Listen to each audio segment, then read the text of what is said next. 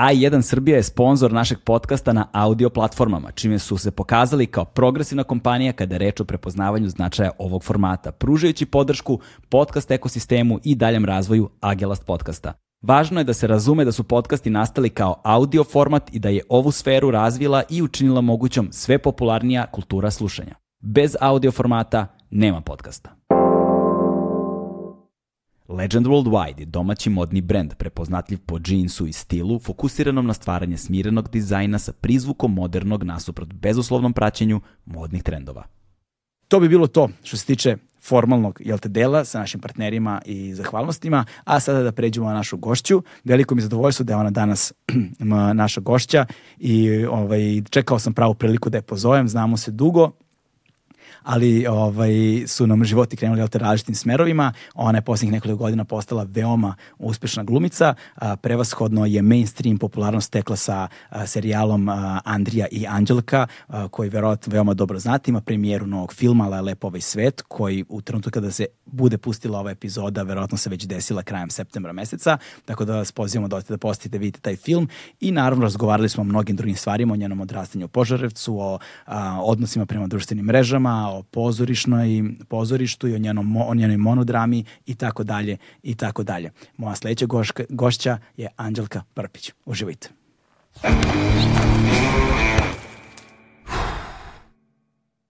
Hmm.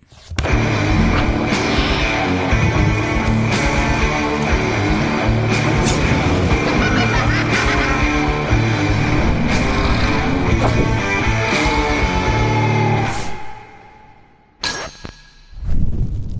И можемо да почнемо. Јао. Де си Божо, чеки, Божидар, ел тако? Божидар, упознайте се. Здраво, па не, мало пре сме се упознали, да, да. Овај, него сам, те, ел, га увек зовеш Божидар? Samo kad sam ljuta, normalno. Da. Znaš, ono kad si bio mali, ja sam, ovaj, moja soba je bila na, na spratu kuće i, ovaj, i onda kad sam super i sve kako treba, onda je Đeka, Đeka mi je nadimak mm. požarevački, e, Đekice, ljubavi, rrr, i kad iz podneža čujem Anđelka, da. znači onda znam šta nije, nešto nije okej. Okay. Samo je pitanje šta su saznali. Da. I tako ja isto i Božidaru. Ove, I tako je bilo, i sinoć sam, od juče sam se rekla da se ljutim na njega, zato što ponaša se kako ne treba da kažem, jede šta ne sme, ove, piški da ne sme i tome slično. I, ove, I onda sam tako juče bila ljuta na njega ceo dan, manje više, bilo je puno puta Božidare. Da. Da, da, da. I kad sam krenula jutros ka tebi, ja kao, Božice, ljubim te, vidimo se, emotivna manipulacija na koju se pali mi dalje ono, bez, bez izuzetka. Vidi gde se on smestio. Da, da, on sad će i on, ovaj, on je navikao, on, on je TV lice na neki način. Aha, jel da? da? da Često da. je prisutan u javnosti. Često je prisutan u javnosti, tako je. I ovaj, to sam ranije imala, uh, a on pre neki dan kad smo se ti ja videli, da. pričali smo kao deca na društvenim mrežama i to. I onda su ljudi počeli da mi prepoznaju dete u jednom momentu, mm. kao, ja ti si mali jakša, na primjer, a sad su počeli da prepoznaju Božidara, pa po njemu prepoznaju mene nekad. Aha, aha, aha. A gled, to ste vi. Da, da, prvo vidi To su ovi kučkari što prvo vide psa pa yes, vlasnika. Da, yes, da, da, znaš. I onda kao, još što se mi ti poznat pas nešto i onda pogleda gore kao, a to ste vi, a, a, ne, nema oduševljenja tu viku, znaš, da, da, da, da. kao Božidare, što si mi poznat, a to ste vi. a ja, ja nikad nisam razumeo u potpunosti a, fascinaciju malim psima. Mhm, znala sam da ćeš nešto tako da počnemo priču, pošto ti imaš psa koga si udomio, pretpostavljam. Da, da. I stvarno je slatka. E, ženska jeste, jeste, Lara. Lara, Lara da. Ove, ali, i da, ja spadam u ove novopečene trancetere koji nosim male psije sa sobom. Um, I onda sam razmišljala šta ću u svoju odbranu da ti kažem. A, je, je, imam, imam spremnu odbranu. A ne, ne, nije uopšte, nije, nije. Zezam da, se. da. Mislim, ne zezam se u stvari. uopšte se ne zezam. Ove, slušaj, moram Slušaj. da kažem, iskreno. Reci. Mislim, ja, ja sam ljubitelj životinja generalno, ali ne toliki ljubitelj. Aha, da. Znaš, iskreno. I e, ja sam shvatila da mogu da volim životinju ako ostane zauvek mala. Aha, Razumeš? Okay. Kao ono, svi volimo mace dok su mace. Kad postane mačka, onda u njoj ta neka zloba i nešto proradi. Aha. Sad, ove, izvinjam se svim ljubiteljima mačaka, ja možda ne razumem to. Ja sam čak imala dve mačke kad sam bila klinka. Da. Sijemski bile su zle i ujedale nas i povređivale, jele tatine džempere, mm. napadale nas i to jedva smo ih sarotosiljali. Ove, I onda sam bila iz fazona da realno mogu da razvijem ljubav prema uh, životinji kad je mala, ostane mala. Ko kad vidiš ono prase, ono mangulica mala. Aha. Znaš ono što ostanu uvek mali, ti neki prasići, da, svin, da, da. ne znam kako se zove. E, I ja mislim da bi mogla da živim pored takvog svinje, praseta, stalno, razumiješ? E, tako mi isto bilo i sa psom, iskreno. I ovaj, nisam svela, htela svoj komoditet da nekako menjam, a voljela sam da imam psa. Tako i meni moja žena kaže. e, znaš da mi je Živim na vrh jezika, na vrh mi je jezika ovo, pošto smo mali, i da, ti da. i ja, znaš, onda razmišljam, Možda tako i nas neko kad zavoli, onda je zbog toga. Lak, lakši smo za održavanje. Da, ali to je na neki način ono, uh, marketing u stvari životinje, jer životinja čud je ista. Mislim, u suštini kao pas je pas, mačka je mačka. Dobro. Naš, mačka je predator, pa je predator. Dobro. Naš pas ima svoje instinkte, pa ih ima. E sad, naš, da li je veliki ili mali, ono, Znaš, samo se stvara iluzija da je možda ono drugačiji kao psihička psihički drugačiji. Da, ja počela sam da razmišljam o tome kad se pojavim da kao, jo, baš ovaj trademark sad malo kuće, ono, znaš, da, da. nekako mi uvek to kao, ne znam, plavuša, pa znaš sve te neke kao mm. etikete, da. evo još jedna. Da. Ove, ovaj, ali dobro, makar i nadrkan. Ne, ne, a, jel jeste, jel da, da, da, da, da, to je u subjektivni osjećaj bengalski tigar, razumiješ, da, da, da. ide preponosno i ona a priori na sve. Da. Naravno, na što veće kuće, to je veći ovaj nadrk Aha. i reakcija, tako da, eto, kompenzujemo sve da. to. Ko zna sad koliko smo stvari izmislili i ništa nismo u pravu. Znaš, da sad neko ko je zapravo stručnjak za pse sluša i krvare mu ili krvare joj uši. Znaš, kao šta ovo dvoje pričaju, Bože me sačuvaj. A koliko ima Bože? Boža, eto, e, zdravlja Bože, odnosno hvala Bogu, da. E, svima pa i nama je napunio tri godine 17. avgusta. Tri godinice, pa dobro, veliki pas. Lav, lav. lav to je ono, šta lav? Pa lav u horoskopu. A, lav u horoskopu, pa to, to tek se ne razumem u horoskopu. šta si ti? Mar, uh, sad vaga. Vaga. Vaga. Vaga, da. da. Vidi se. Jel da? Ja bih rekla, mislim, ja se isto ne razumem mnogo, moram da priznam, mm. ja sam baš ono, ne amater, ne početnik, nego like, mm -hmm. ali ja to po ljudima koje poznajem, znaš, tipa moj tata je vaga, okay muško je, jel? Mm -hmm. I onda ja kao nekako gledam jel imaš sličnosti s mojim tatom. Aha, okej. I energetski, da. fizički, nije ni bitno kako da. god. I, na primjer, energetski imaš, makar u ovoj fazi u kojoj sam te ja upoznala. Aha, dobro, dobro. Blag si. Blag. Tako sam ja utekla da, utisak. Da, sad, verovatno. Znaš, ono, Ostarilo se. Ostarilo se, to je da, s godinama to negde otprilike dolazi, može se reći. Ali dobro, ovaj, znaš, kao, ti i ja smo se upoznali zapravo davno, samo se ja ne sjećam. Užas. Znaš, to je Užas. meni fascinantno. Ja, ka, ka, kažemo ljudima, ja tebi kad sam pisao sam ti na Instagramu, i rekao, e, baci mi broj i kao nemam tvoj broj, znaš, i ti me pozoveš. Da. I meni izlazi tvoj broj, samo piše pored tvog imena, ovako zagradi bulevar. I ja sam bio u zonu, Prete šta je ovo bulevar uopšte? Prvo, odakle mi tvoj broj, a drugo šta znači bulevar. Da, I, da, ja da. sam bio u totalnom rebusu dok se zapravo nas dvoje nismo videli. A i tad, nemoj da lažeš, da. i tad si nastavio da budeš u rebusu i ti dalje nisi mogao se setiti. Ne, ja i dalje ničega. ne mogu da se setim. Ima, da, ali si mi razjasnila šta je posredi, samo što ja i dalje ne znam ne šta je to. Ne znaš da se to desilo, da, da, smo, da si prisustovao. Ove, imam jednu priču apropo bulevara isto. Da. Nešto vidiš u tom bulevaru ima, mada ja moram da, uh, to je emisija koja je išla na da. B92, zvala se Bulevaru 5 do 5, ta popodnevna varijanta, a večernja Bulevar. Okay. Zvala. I sad ne znam koju si bio iskreno da, da budem. Da, ne znam Evo čak ja. se ja nečeg ne sećam. Mm -hmm.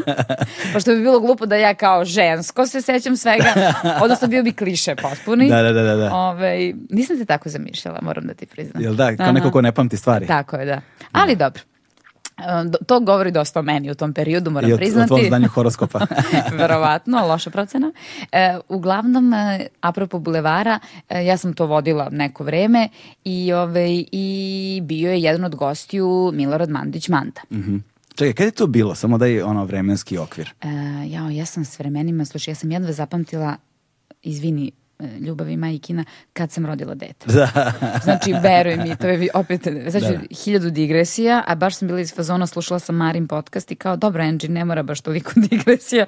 Ove, ovaj, uglavnom, otišla sam da upišem dete u vrtić. Mm -hmm. Znači, krećemo od druge digresije, pa se vratiti Vraćamo na prvu, a onda se vraćamo laga. na tvoju temu. Pamtim ja, pamtim ja. Dobro. I, ovaj, I otišla sam da upišem dete u vrtić, odnosno da uzmem ono potvrdu neku iz, ovaj, iz knjige rođenih. Mm. Izvod u opštinu i popuniš onaj tamo formular i daš im papir i oni ti odmah izdaju to, za, kao za koje ti potrebe treba. I, ove, I ja popunjavam sve to i dajem na šalteru i ona mi kaže a izvinite, mislim da ste pogrešili e, datum, e, godinu rođenja, ovo vam je za dete, jel? Ja kažem, da, da, da, jo, reko, bože, izvinite, molim vas. Znači, ja sam napisala 8.8.2014. Mm -hmm. Moment u kome mi to radimo je pre tog datuma koji sam ja napisala. Znači, recimo, to je početak juna 2014. Aha, kad ja predajem taj papir i ona vidi žena da taj datum još nije došao, znači kako sam rodila dete u budućnosti, u budućnosti da bome, i isto upisam u vrtić prenatalno i, ove, i on, ja kažem, izvinite, molim vas, možete samo promenite na 2013. ove, a ona mi kaže, jao bože, tako mali kreće u vrtić, pa nema još ni godinu dana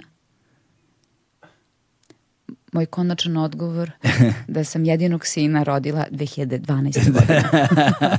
Ove, ovaj, Što sam to pričala? A, pričali, nemam pojma. Aha, zato što ne znam godine. Zato što ne znaš godine, ne znam godine. bulevaru. Znači, da. eto, mogu da kažem po Jakši da je imao, pošto je to jedini reper koji znam, 2012. je rođen, definitivno, e, i, na primjer, da je imao dve i po godine kad sam počela da radim mm, to. Mm, recimo tako nekako. 2014. Tako, tako nešto. 14. dan. Tako I onda posle toga su došli Andri i Anđelka i onda sam to još malo radila i to je to. Uglavnom radim ja taj bulevar. I sad u tom momentu ja sam već, kao nešto sam snimala, snimala sam seriju Žene s dedinja, da. koja možda tebi ovaj, prošla ispod radara. Ali znam je, za seriju, nisam da, ne gledao, da postoji, znam za seriju. Da. da. Ali je ta prva sezona bila onako lepa i lepo rađena, kvalitetno i tome slično, ali je to nekako prošlo ispod radara. Nije toliko bilo to među narodom, a boga mi ni među kolegama, ni među esnafom. Aha. Bila je popularna među esnafom dok se nije emitovala, dok su Aha. svi nešto ono ispod žita delili te DVD-eve kao jesi vidio ovu epizodu, ko si ti, što je ovo dobro i tome slično. Međutim, kad je krenulo na ovi da se emituje na TV-u, nije to više bilo tako važno nikome i uglavnom ja sam sada znači praktično ne tako uspešna glumica i ne tako ostvarena koja radi taj voditeljski posao i dolazi Manda. -hmm da, da bude gost kao buha verovatno pa sad nešto promoviše neku predstavu ili ne znam ja. I ovaj, ja naravno imam upisan njegov broj i prolaze meseci, um, ja sam naravno htjela da ostavim dobar utisak, znaš, došao, došao u upravnik pozorišta, pustiti priču, razumeš, da. kao jeste, ja sam onda kao, ja sam kad je on dolazi na gostovanje, htjela da ga ja pozovem, pa da, eto, da ga ugostim, da se dogovorimo o temi, znaš, malo sam se to nešto naložila šlihtam se u stvari klasično. I, ove, i on je došao, mi smo to obavili nekoliko mjeseci kasnije ja sam na Koponiku skijam, loše i ne volim da skijem, ali skijam zbog deteta i bivšeg muža koji obožava da skije, kao mi smo happy family, svi skijemo, la la la, i ja se sad spuštam niz e, u mojoj glavi neku najveću crnu stazu, a pritom je to neki tipa karaman greben, znači ono da, da, ništa. Da, da, da. Mali I karaman. Ove, mali karaman, da. I ja kao se spuštam i ja pevam na glas da bi sebe oslobodila Strah. stresa i da. straha, razumeš? I ove, ja pevam i izvrndam i telefon, znaš. I ja naravno koristim svaku priliku da stanem, da ne moram da skijem, da vidim ko me zove možda nešto hitno i piše Milorad Mandić Manda. Vidi. Sad da ja ne bi kao tu pričala na sred staze, nisam koncentrisana, ja spust do dole, razumeš, da bi ono što pre stiga da ga pozovem, i kažem um, Milorade, dobar dan, Anđelka ovdje. Šta bre, dobar dan bre? Kome bre ti dobar dan? Pa jebote, koliko puta treba ti kažem, znači ako ti kažem pošalji mi fakturu, ne znam što je... e, halo? E, izvinite, ovde Anđelka e, Prpić, e, glumic, mi, u stvari možda vi znate kao voditeljka bulevara, ne znam da se sećate, bili ste gost, mislim nije bitno, nego im, jao, Anđelka, dušo, izvini, molim te. I, uglavnom u Buhi, ovaj pozorištu je knjigovođa Anđelka i onda je on slučajno stisnuo ovu bulevar.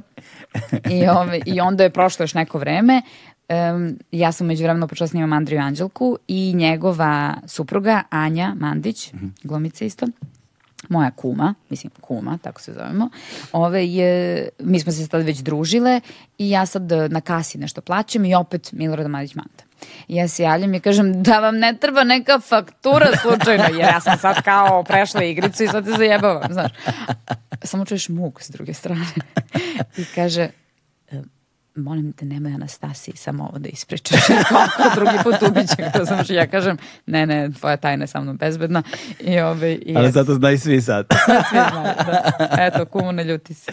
Jao, čoveče, ali... Tako da taj bulevar, eto više. E, ali znaš šta je uh, zanimljivo? Činjenica da si ti da je jedna od redkih osoba koja zapravo ima uh, paralelnu ovaj, karijeru i kao glumica i kao TV lice. Zato što um, često pokušavaju nasilno da uklope ta dva, ali to ne ide baš uspešno. Znaš, vrlo često uh, pokušavaju recimo izmisle neki novi projekat, neki novi kviz, često bude kviz ili tako nešto. I onda šta im je lakše? Lakše im je da već uzmu neku li- osobu koja je prepoznatljiva, jel te, javna ličnost i da se ono ogrebu sa mrvice slave njihove trpeze. Ovaj, a, ali se nikad ne ispostavi dobro da, znaš, ne pokaže, ipak glumci nekako koji su već dugo godina samo glumci, kada dođu tu ulogu da treba da budu link između sadržaja i publike, to se teško dešava. Ovaj, ili s druge strane glu, televizijske ličnosti koje pokušavaju da se ostvare kao glumci u nekim drugim, pa onda ni to ne bude baš najsrećnije, jer su i, na kraju dana ipak, osim što stojite i jedni drugi ispred kamera, dva potpuno različita, za- različita, različita, da, da, da, zanata. da. Ali ti imaš ono, kao, pozamašnu vojiteljsku karijeru. Ne može se kaže. Ne može, da, ne može, znaš, stvarno ne može. Do, ovaj, pozamašnu vojiteljsku karijeru i onda si samo odjednom probila u mainstream, ovaj, pa sa Andrijom i Anđelkom si baš probila kao full u mainstream ili, ili, je, ili je pre Pa toga? da, da, da. Mislim, sad bi rekla, dobro, nije, ali zapravo jeste, da. Znaš. Ove, to, Da si, to postala, su, da si postala opšte dobro. a, da, nadam se, u onom dobrom smislu, pošto ima Da, opštih da, da, dobro da, da. koji nisu baš za pohvalu. Um, pa, Ješ, jel treba nešto da kažem sad? Mislim, ti si Ne, dao da, konstataciju da, da. zapravo. Pa Kao. Ivon, ti si Ivon, pa i Da, da. ličite. Teni to. Da, da, znaš, Koju, ja- by the way, obožavam. Da, da, Ivon, je. Ivon, da, to. Ja sam ovaj, postavio pitanje i dao odgovor. Da, Tako je, da. ja samo ću što, Samo reći- sam ja da rekao konstatacija sam samo Tako da. je, upravo Nije bilo pitanja. Znaš šta? E, šta ću ti kažem? E, u stvari, e, mislim da je osnovni problem u tome što nas nekako, i to mi je, moram da kažem, e, Andrija Milošević otvorio oči, kao i za mnoge stvari, e, rekao jednu dobru stvar, kao zašto nas teraju da se delimo, kao ti si glumac, ti si voditelj, ti si pevač, ti si, ne znam, igrač, ti si slikar, ti si, ma čovječe, koga briga šta si, mislim, budi sve što hoćeš i nemoj budeš ništa i nije važno. E, Nekako kad pričamo o ovim belosvetskim, mislim, uspešnima, e, oni stvarno imaju pravo i ima dobrih primjera da su bili i ovo i ono. Ja, dobro, najčešće se spaju muzika i film, jel? Da. Ovaj, ali ima svakakvih primjera. E, kod njih su uglavnom ti kao glumci e, postanu ovo e, late night hostovi i oni su odlični u tome. Onako stvari, znaš šta, o, koliko sam ja primetio, dakle, postoje razlike vrlo, vrlo, vrlo jasne, ali da bi čovek mogao ili mogla da bude uspešna u oba, jel te? Ne, u- ne, to je, to je teško. Uvek Znaš, nešto prevagne. tako, uvek ne, nešto- htjela sam da kažem samo da nekako je to kod njih čini mi se legitimnije, znaš, nego kod nas. Mi sad kad bi videli, sećam se da je bio onaj film um, uh, Anđeli 3. Mi nismo Anđeli treći deo. Uh, dobro, naravno, ne možemo ništa poredimo s prvim delom. Ali on je onako žanrovski hteo da liči na te, jel? Šta se meni? Ništa, ništa, ništa, slušam te. Ove, teo da liči na te kao teenage, ne znam, da. rom-com i td. I onda su uzeli Seku Aleksić da Mhm. igra eh, tu kao zvezdu, ne znam, ženu od rokera i, i zaista bi redko koja glumica u nas M, mislim, ne želim sad da, da zvučim nekako prema koleginicama bez veze, ali i sebe ubrajam u to. Mi umemo, znaš, kad je kao narodna pevačica, aj sad ćemo da ga eh, omastimo, znaš, a nije to baš tako. Mislim, ima mas, masti, mislim, u tom smislu svuda. Tako da, ovaj, nisam sigurna da bi neka druga glumica to vjerodostojno tako prvo ne izgleda tako, razumeš, ono, glumice uglavnom izgledaju prirodnije, nemaju e, usne, grudi i ostale atribute m, koje krase jednu ovaj, estradnu ličnost, odnosno pevačicu sa ovih Jedan scena. stereotip estradne tako ličnosti, Je, tako da. je, stereotip. Tako da u tom smislu mislim da je to recimo bila dobra podela, da to bude baš ono. Da, da, da. A1 je prvi prijatelj audio izdanja Agelast podcasta. Da. Ovaj, a ja sam um, nekako uvek volela televiziju. E, prvo kroz serije naše domaće, ali i kroz emisije, volela sam sve to da gledam i meni i dalje omiljena emisija Obraz uz obraz, mislim show u stvari, ajde, i tu zaista ima i jednog i drugog. Da.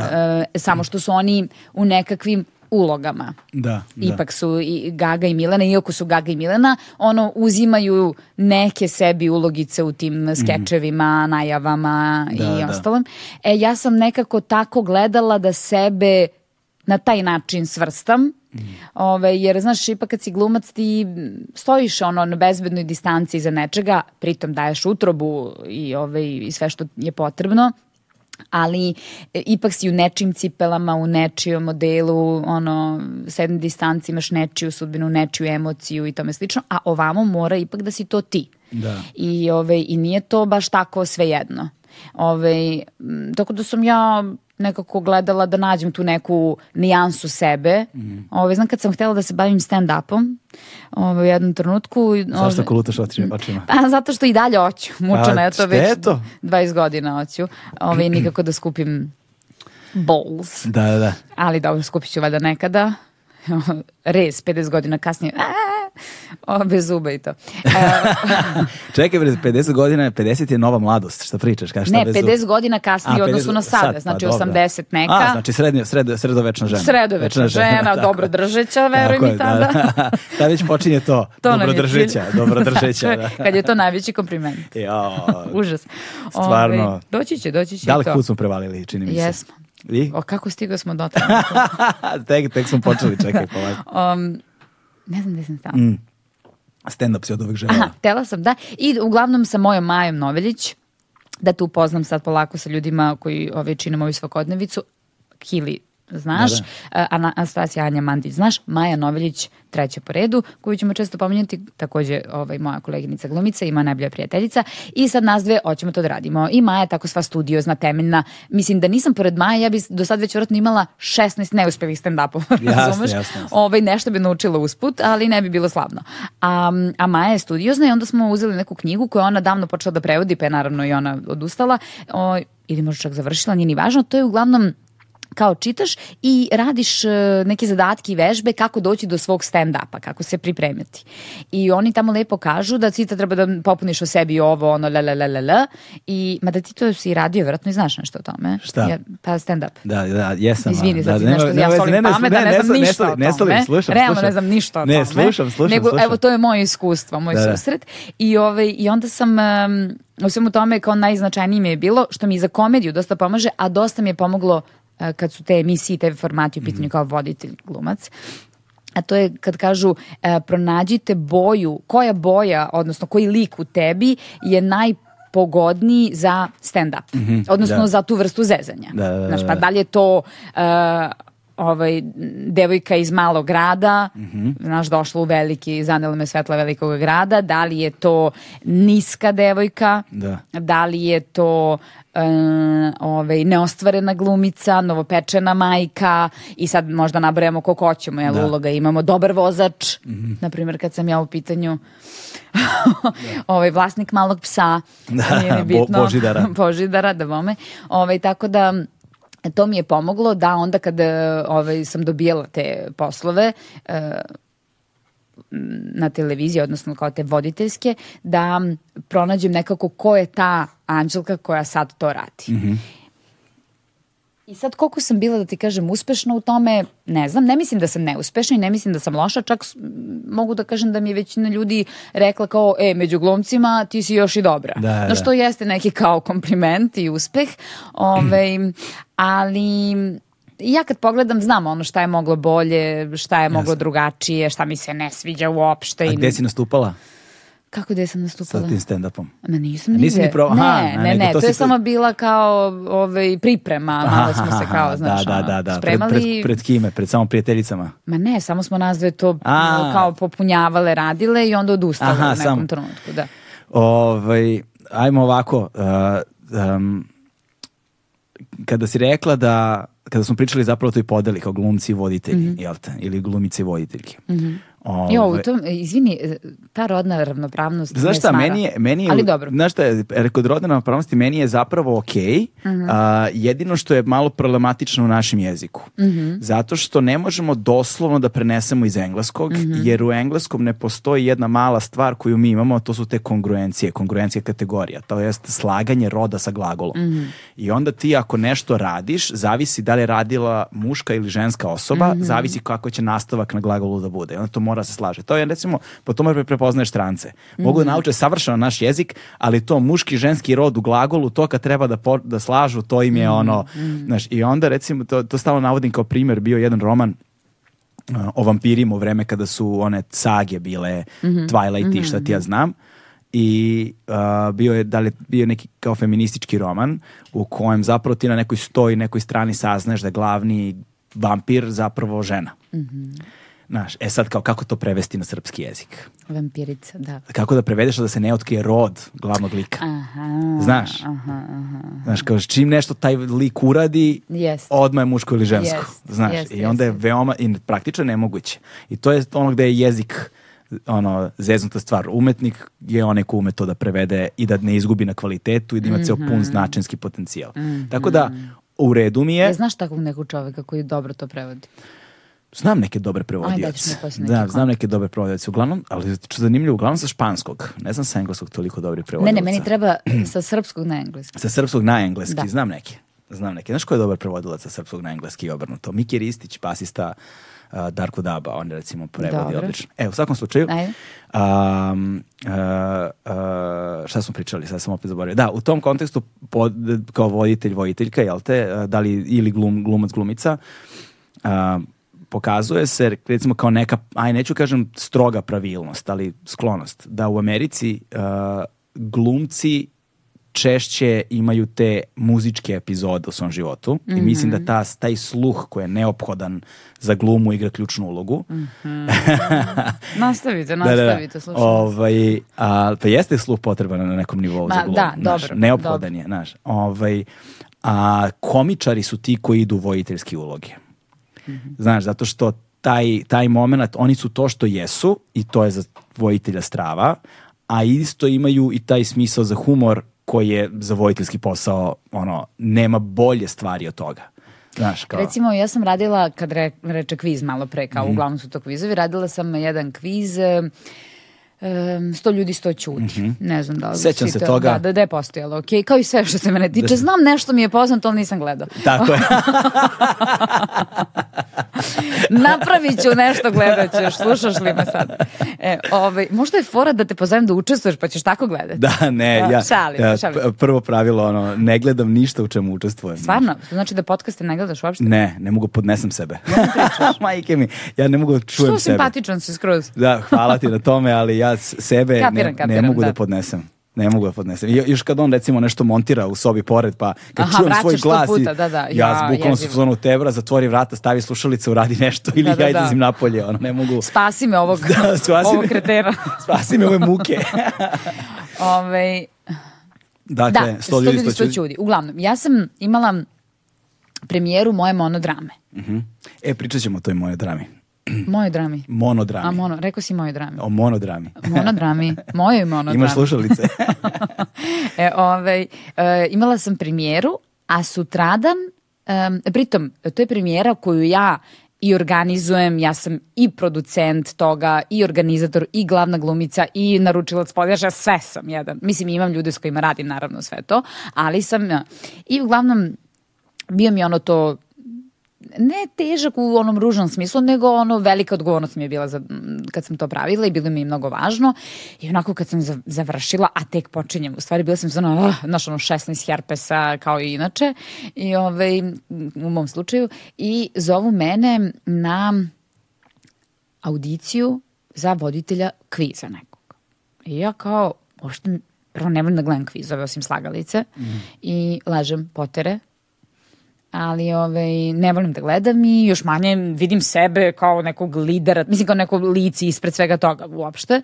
E, I kao ja bi to odbila, međutim, to je sutra odma posle premijere moje monodrame koju u tom momentu da kucnem u drvo ide strava, znači odigrala sam 15 komada pre beogradske premijere da se kao malo mm. ufuram, uigram i, ove, i ljudi strava reaguju pune dvorane, ono Cirih rasprodat dve za veče, znaš ono sve super i ja u svojoj glavi kao, to mi je ono kućno vaspitanje, uh, kao ćuti idi sutra na audiciju da ne bogohulimo. Znači da ne bude da si se nešto sada zanela, poletela, da, da. Lele, ostani ti skromna, razumeš? Idi čisto da ispoštuješ, razumeš? Vratno te neće ni odabrati, ni sebi se to ne radi, uvijek možeš na kraju da odbiješ, ali ajde da napravimo mi tu jedan da. balans kosmički, to. razumeš? Ne zatvaram dupetom vrata. Ne zatvaram dupetom vrata, da bome, i, ove, ovaj, i ja odem. I naravno, kao i obično, kad nemaš te viškove da ti je mnogo stalo, to često bude višak, jel, ta mm. silna želja, da, da, koja da. nas ono stegne nešto te... Da izgoriš u da, želji. da, da, da, izgoriš u želji. Ove, ja odem i mamurna od premijere i umorna, razumeš, i ono, zadovoljna, a još sam ispala car, probila sam se u 9, došla sam u 10, znaš, ono, sve cool. I mogu ti reći, bili su neki ozbiljni voditelji ozbiljnih kvizova do tada, neću da kažem sad ko su, pošto sam ih sve pobedila na kraju, i, i oni odaberu mene. Da. Ove, I dogovorimo se mi tu za dobru lovu, iskreno, Jer moram da priznam, meni je ljubav ipak prva ljubav gluma. Da. I to bi radila i za lošu kintu i bez kinte, ako mi je, ne znam, neko s kim radim, s kim želim da radim i to mi je ono, cilj i san, ili je uloga izazovna ili šta god, a ovaj, ali kad je televizija u pitanju, tu sam već za ovaj posao. Da, znači da. ovde treba da bude dobar posao. Uđemo u rudnik, ono, ostavimo tamo dušu, razumeš i sve što treba i izađemo sa, ono, ček, čekom nekim koji je pristojan. I ovaj, tako se mi to sve lepo dogovorimo. I ja u sebi probudim tu volju i želju za tim kvizom. E, super mi je bilo što je bilo nakon narodskog tipa, znaš, to sto ljudi, sto čudi. Da, da. I ovaj, kod nas ljudi hoće, ali kad dođu ispred, oni se uprpe, znaš, i da. onda se zaključaju. I niko ne peva, niko ne džuska, iako ono ih natera, što je ono ko pokazni, mislim da još gore što to rade, razumeš? Mm. I ja sam onda nekako naše sebi tu ulogu, da budem kao ta neka, eto se, da, da kao neka njihova. Da, da, da, ali da. ona još grđa od svega toga da, da. i ovaj, nešto me vuklo na dranje. Prosto tako sam osetila da je taj moj lik koji treba da bude ispred tog da. uh, ovaj, kviza, da je to neka što tako je narodska, glasna pa malo žena. glasna žena. Da, da, da. da, onda mi izađe neki taj malo guturalni glas, znaš ja. nešto. I uglavnom svi su mi zamerili kao što se ovako dere ova žena. jer nisu mi rekli tonci, razumeš, kao nemoj toliko, jer ja sam se ponašala kao da animiram ljude u publici, da. razumeš, a ne ljude ispred eh, TV. Da, ovaj Uh, postoji taj problem, uh, ja, ja učestvovao sam u više takvih događaja, mm -hmm. gde sad ti imaš vojiteljsku ulogu, ali e, ta, to, deša, to se stvar dešava i sa ono live publikom mm -hmm. i ide uživo mm -hmm. na TV-u. Mm -hmm. I sada postoji ta disproporcija, posebno ukoliko je velika publika, ogromna jest, publika, jest. recimo, ne znam, Beogradska arena, 20.000 ljudi, ti da, sad da. tu govoriš. Jest.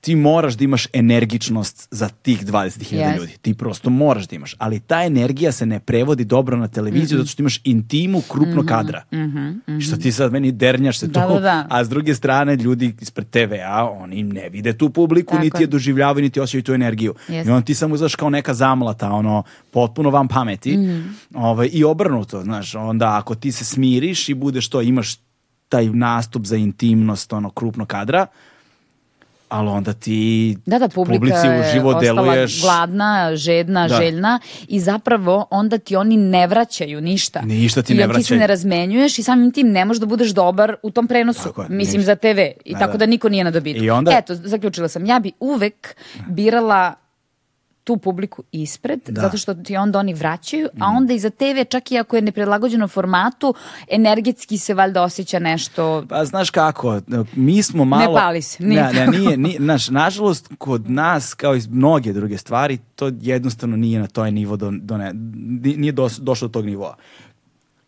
Pardon.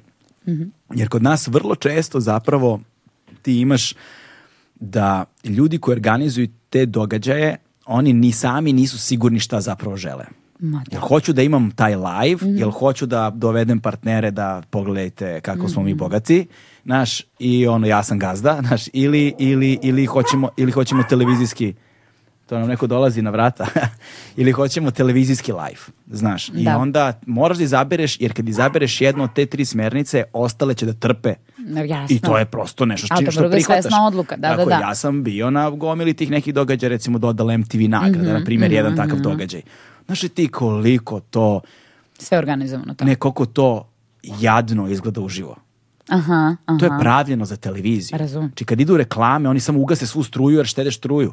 Znaš, samo se ugasi sve Da, da, da, da, da. i ide nešto na video bimu tih desetak minuta dok su reklame po svetu i ništa se ne Ljudi dešava. ne očekuju nikakav show ništa, zapravo tu za samo njih. Da, to da, da. ništa. Znaš, dok ovaj tu, ne znam, uh, lup, etam sad, gde sam posljednji bio na, u Minhinu 2007. dok ono uh, Snoop Dogg priča nešto u mikrofon, ti znaš, i on tu nešto, on se uopšte ne ti jedva njega, on, on, on je zapravo ima taj ono intimu krupnog kadra, ti vidiš ispred njega te snimatelje, ti vidiš ove što vuku kablove, na drugoj delu bine vidiš ove koji sklanjaju prethodnu scenografiju, metu vodu koja je bila, skupljaju, stavljaju peškire, znači to sve izgleda potpuno Znaš, onda imaš vam ove statiste i ljude koji diriguju statistima, pa kad se kamera okrene tamo, oni dižu transparente, vrište. Sve je režirano i zapravo gledanje te dodale nagrada uživo je potpuno... ono, Nemoj- nemoj za džabe da ideš, da, da. ne, to je, televiz, to je Da, da. stvar za televiziju. Ona je pravljena za televiziju i treba da se doživi Ali znaš šta, kad TV. već pričamo o tome, ja stvarno televiziju volim i jesam konsument. Mislim, u- sad u posljednje vreme Mm, Ljuti se Boža nešto. čuva nas, čuva A, nas. dobro, samo, dobro, samo dobro. budite mirni. šta je ljubavi? Ajde. Ajde, Izvinjavam se. idi Juri tamo. I? Ovaj, a, ali kod nas, čini mi se, nema poznavaoca televizije. Ljudi, pričamo ovih iza, koji znaju kako se stvari rade, zašto se rade, na koji način. Zapravo ti nemaš od koga da učiš o televiziji. Osim da gledaš te stra... Ja, Da. Izvini, mora počešem stopalo. Slobodno. Zato sam ti rekao, strašno. pa Rekao zato si mi da mogu papuče. sizujem. Pa da, izvi se. Evo, mogu i da sizujem. Čiste su mi čarape. Nema A i veze. simpatične su. Da vidim. A, dobro. Možda nisu baš čiste za ovaj kadar. Ali to su bele čarape. One nikada ako ih ne trljate ručno ne mogu biti skroz čiste. Šta znači leva noga kad te svrbi? Ne znam. Nisi to, nemaš te sujeverija? Nemam. Da. Ajde da odlučimo. Recimo, ići ću u pare. goste. Ićiš u goste, u gostima si, zarećiš pare. Ne može, to je dlan. Ne može sad da bude pare. Zašto Pare, ne možeš? pare, pare. Putovat ćeš negdje lepo. E, e, vidiš da znaš? Eto, vidiš, da, vidiš. Božo, dođi ovamo. E, a, zapravo, Da, ja sam rekla da nema ljudi koji znaju televiziju. E, Vola da. bi da sam živela kod nas i radila ranije. Eto kad su radili, izvini što sam te prekinula, Ne, nisi, nisam obraz uz obraz. da, da, da. da. E, Ovaj- za to hoću da kažem, postoje ljudi koji znaju televiziju. Postoje. Gde su? Gde su? Gde rade? Neće da Kako ih se zove? plate. Znaš, to je ono što ono sa čime se ja najčešće srećem. Jeste da će svi ono, sve te velike produkcije i šta ti ja znam, uložit će ogroman novac i to će da se hvale time. Da, da, da. Ono, scenografija ne znam koliko miliona, kamere ne znam koliko miliona, uh, oprema, najsavremenija no, digitalne miksete, video, ono, znaš, ovo je mikseta na koje je Sting miksovao album. Nije, znaš, razumeš? Da, znači, da, da, da. to će da bude koliko, koliko hoćeš. E, ali kad treba da se plati tonac, kad treba da se plati snimatelj, znaš, kad treba da se plati scenarista, kad treba se plate ljudi koji će zapravo fizički da odrade posao koji je neophodan da bi ta silna giga mega oprema došla do Tako je. izražaja, e, tu stvari padaju u vodu.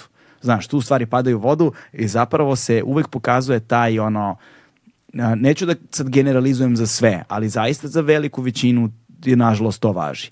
I i onda ima, a s druge strane imaš ljude koji zaista znaju dobro svoj posao, ali i oni su beskompromisni i ne žele da prave kompromise na ovim milioni mestima na ovakav i onakav način i onda oni, Pa dobro, i ne možeš sa kvalitetom da praviš kompromise. realno. pa ne možeš, da. Mislim, ok, E, o te minimalne, o njima naravno ni ne govorim, ali te kao krucijalne ne možeš ako E, i hoćeš onda da u uradiš tim velikim produkcijama kad oni saberu koliko njima, ne znam, tonaca treba, koliko im tehničara treba, koliko im asistenata treba, koliko im ovo ono, Mhm. pa svakome po dnevnicu, pa odjednom im je tu, uf, kao, znaš, Da, da, da. pa ako hoćeš takav događaj, ti događaj toliko koštaju i najskuplja stvar su ti tu ljudi. Mhm. Mislim, Da, da. najvrednija i najskuplja stvar su ti tu ljudi. Pusti opremu, oprema će ti bude zastarela za tri godine, znaš, kao, Ma ja bi uvek, šta, šta god da se radi, ono, birala sadržaj, e, mislim, zapravo bez toga nema ničega. A internet me to pokazao.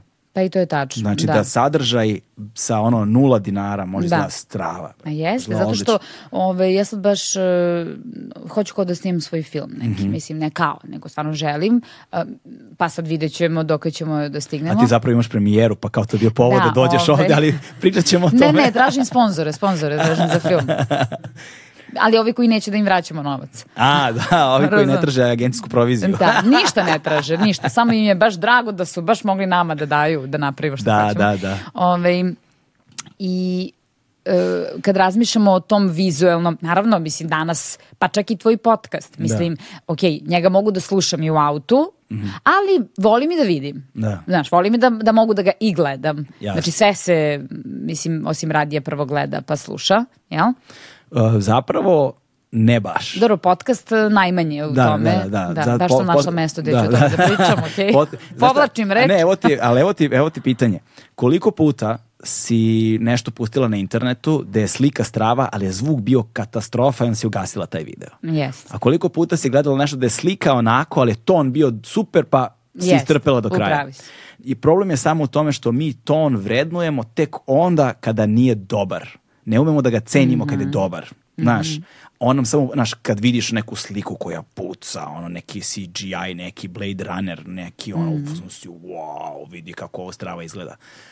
A kada dobiješ dobar ton, znaš, to ti samo potpunjava sliku. Ne, znaš, ne oduševljavaš se tonom Jest. ako nisi iz sveta tonaca, znaš, na neki način, zvuka, Da, i sveta oni su zvuka. stalno ono kao neka... Potcenjeni. Jeste, u, u, u tim filmađijskim ekipama Mm. kao tonci neprijatelji filma, znaš, i to, ne znam, ali mučeni, već mi žao. Znaš, a ljudi Ja sam toliko bila ovaj, uh, ponosna na sebe i dalje ovaj, s ponosom nosim taj nadimak Bajska. E, zato što je tonac na toj prvoj seriji Žene s dedine koju sam radila Srđan Bajski. I e, ja sam vrlo brzo ovladala bubicama, e, naravno najpre da ne bi neko slušao šta trtljamo. Ovaj, I onda, znaš, kao ideš i radiš ovo sve vreme preko bubice i za pokojnog Marka Živića moram da ispričam tu priču kad je sedao sa kumom na slobodnom danu, mislim kao slobodan dan ne snima i sedi s kumom, piju kafu i kao kume bre, ne znam šta da radim, pa pričam, znaš, nešto i ovako se lupka i sad ovaj čovjek, ajde, ok, pušta ga i posle ne znam kog vremena kao, šta radiš bre, došla se drndaš. A kao, mislio da ima bubicu, ostalo mu razumeš. I da ne bi se lupkali i to šuškali, ovaj, ja sam naučila kako da ovo vadim, šta i to. Da isključiš i sve, da. Da, ove, a onda pošto sam imala kostime koji su bili tako oskudni, e, kraći, uži, ll, onda sam morala da nalazim načina kako oni da se ne vide. Aha. I onda s Bajskim, šta ćemo, rekao, imam ideju, pa onda zajedno to sve. I od tad su me, ja sam to onda radila posle svim ženama, Da, da. kao, Bajska, dođi, imamo situaciju, kada stižemo odmah, rešavamo, razumeš. I ovaj, tako da u tom smislu volim da se upišem u taj njihov tor, što Da, bi se ovaj, to je najzabavniji, najtragičniji istovremeno momenti kod televizijskih uh, live-ova, odnosno u, u, u živim programima, jeste kada se ljudi ozvuče i Mhm. onda odu do toaleta, zaborave da imaju bubicu, znaš, i onda se ekipa u režiji strašno zabavlja. Užas. A svi ti Užas. kažu ne brinite, isključujemo. Da, da, da, Ne, da. slušamo vas kad siđete sa stage-a. Ma malo sutra.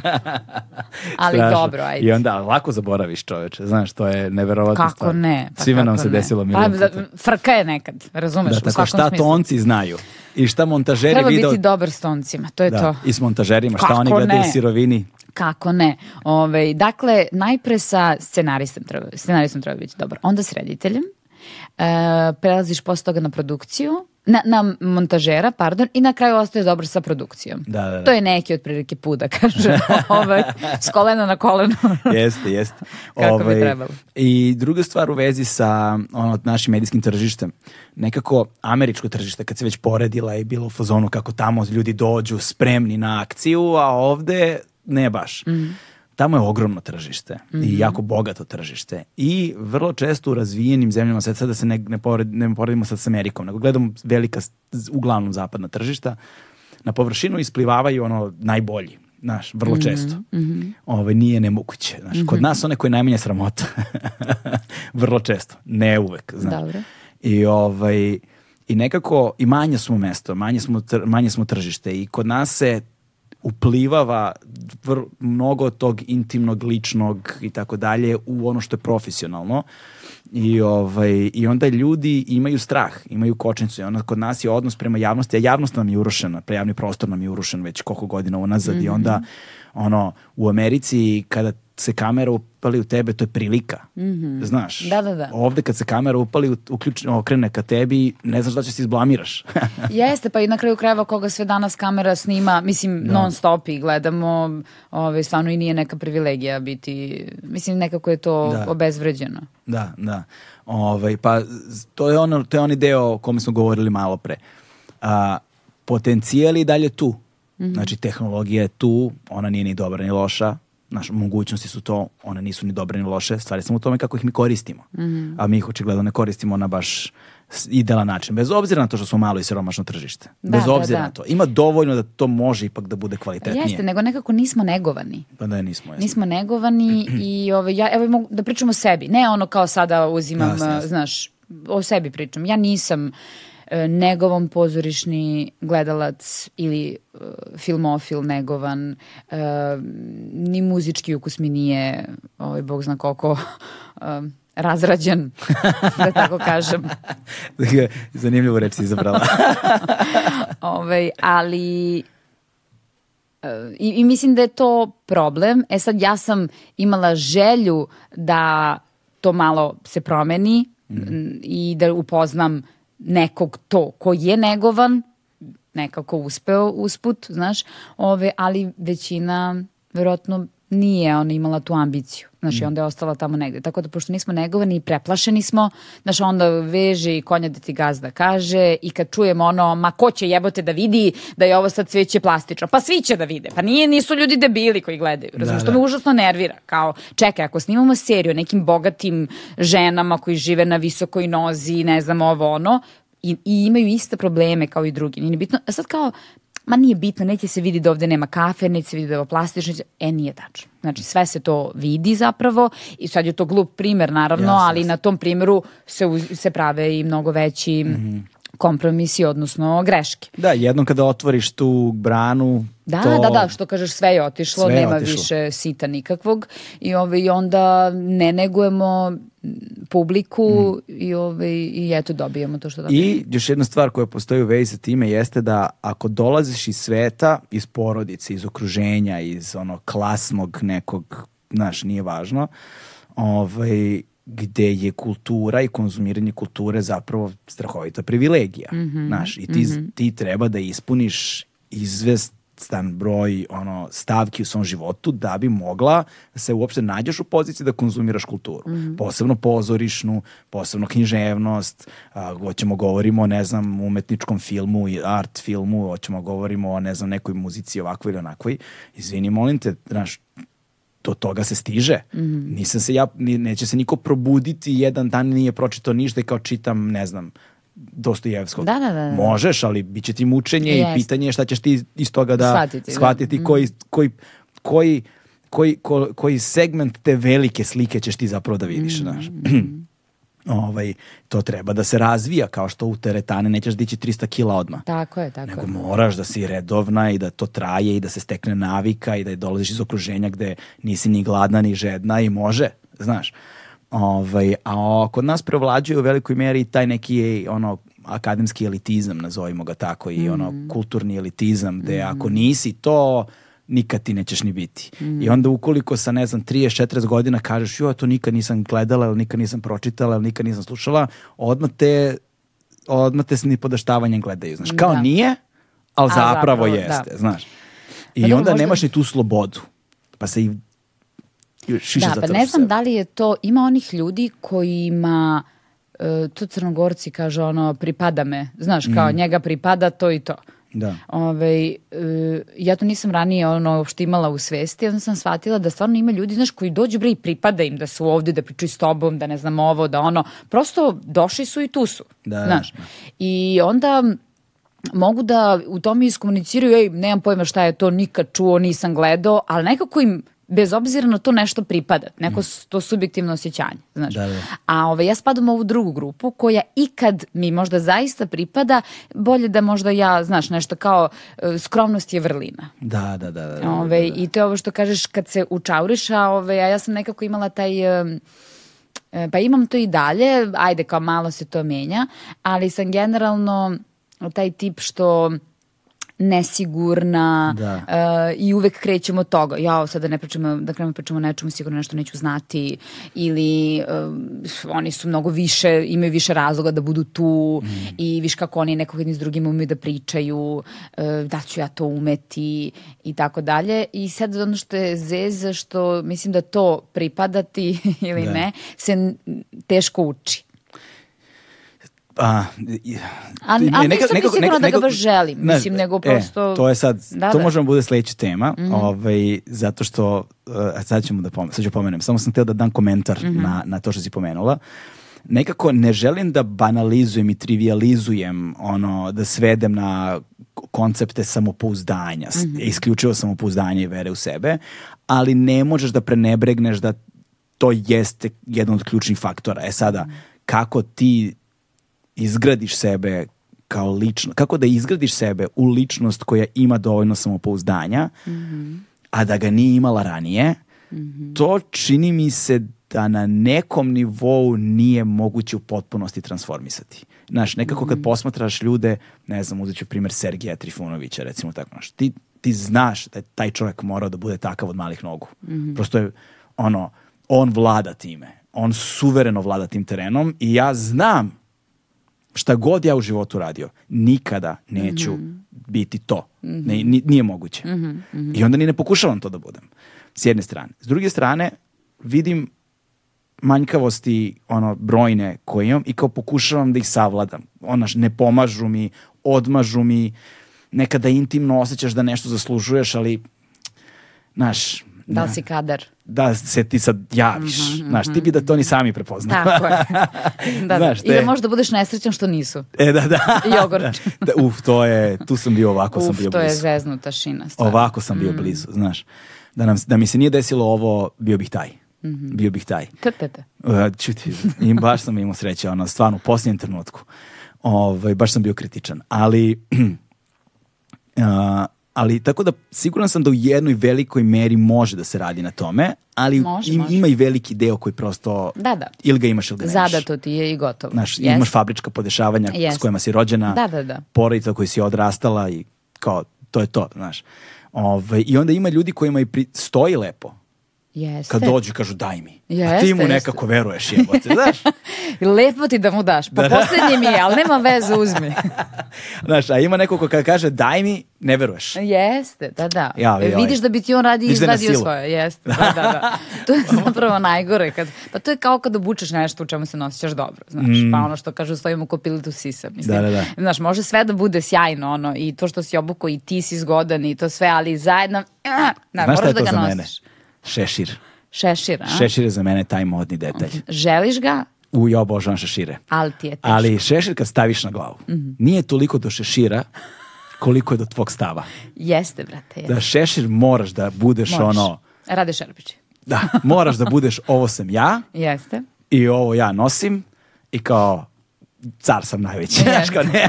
Jer ako nije to, odmah je užasno. E, To znači da nosiš kačkete. Da, Da. to mi je kompromis. Prelazna varijanta. Možda nekad ovladamo, ali nismo sigurni. Ali ja ih uporno kupujem. Ja isto, ja isto, ja isto imam šešire, obožavam šešire. Isto, isto. Ja, ali ono, znaš, samo sam se jednom usudio u podcastu da stavim šešir, to je bilo u epizodi sa Rambom Amadeusom, zašto sam Naravno. znao da će onda se maskira, Aha. pa kao, Da ne bude da je gos, da si ti go. da, da, da, Da. Pa, pa kao deo kostima imam izgovor da stavim šešir koji mnogo volim, ali Ali Znaš. si se osjećao maskirano. da, osjećao sam se, osjećao sam se maskirano, nisam se osjećao kao ja. I, to je, I onda mi je to bilo kao prihvatljivo u tom kontekstu. Shvatam, shvatam, shvatam. Da. Imam ja te isto momentacije. Ove, ali nekako sam u poslednje vreme e, malo porasla ove, i e, sad nekako sam malo više žena. I o, ne, legitimnije mi je onda da to sad mogu da nosim dugu haljinu. U smislu legitimnije u mom osjećanju, mislim. Um, ili nekad šešir, nekad, ne kažem uvek, ove, ali tako, to mi sad nekako, imam utisak da mi pripada. Malo sam ove, sazrela. Da, e, sad ovo što sam htio da pomenem malo pre. Dakle, tebi se desilo, meni se desilo, ali tebi se baš desilo, da si... O Boži da ne pričam. da, obo, da si odskočila ono, značajno u posljednjih nekoliko godina. Ovaj, kako i koliko ti je to promenilo život? U kontekstu sad si, ono, znaš, ti sad gde god da odeš, svi znaju ko si. I ti znaš da znaju kad odeš, iako si tamo možda prvi put. Da. Uglavnom je tako, u velikom broju slučajeva. Dešava se da nekad mi tripujemo da je to tako, znaš, i onda shvatiš da ljudi bre ne znaju svi. Tako je. ili, ili ono još grđe, a, aha, nešto je poznato, da, da, da, kako bi, a, a beše vi, znaš, otprilike, da li si pevač, glumac, ne, Da, da, da. futbaler, znaš, ono, Da, da, da, da. ovaj, šta god, ima i toga. Ali dobro, da kažem ovako neki e, širi uzorak, e, da, prepoznatljiva sam, mada recimo zanimljivo mi je često me pre- prepoznaju po glasu. Stvarno. Da. Što recimo meni uopšte moj glas nije tako Zato što je tvoj. Dobro, da, ali ne znam. Nije, znam ljudi koji imaju te glasove zanimljive, ove, koji su svesni svog glasa, znaš. Da, da, da. Ove, možda su im češće govorili samo, nemam pojma, ali e, recimo dešava mi se i tu u Hrvatskoj najčešće da ništa stojim na kasi, nešto plaćam i tek kad kao ili to sve, ja kažem može još žvake, na primjer, a ona kaže Ma jeste vi Anđelka? Znaš, ajme, pa sad ide Da, da, da, da. i tako, tako da, ovaj, pa promenio mi se život, da. Mm, možda nekako najviše u ovom legitimnosti ove o kojoj smo pričali. Znaš, neko je konačno ono rekao approved, ajde, vozi Ajde, dalje, razumeš? da, da. Nekako do tada sam ja uvek patila što nemam taj pečat. Ja to zovem da te okadi neko. Da, da, da, da, da. da. Ovaj da, nisu te okadili i to. Ovaj tako da možda u tom smislu najznačajnije. Pa onda samim tim i ovaj i ostalo dolazi samo od sebe. Naravno tad sam tek imala frku jer ja sam zapravo iz one nesigurnosti mislila da se meni to desilo. Znaš, pa ništa, ja tu nisam zaslužna za to baš sačuvaj. E, pa to, Da, da, da, da. nego kao ćuti i to apropo ovog stand-upa što smo pominjali, ja sam u jednom momentu želela da mi to piše Nebojša Romčević.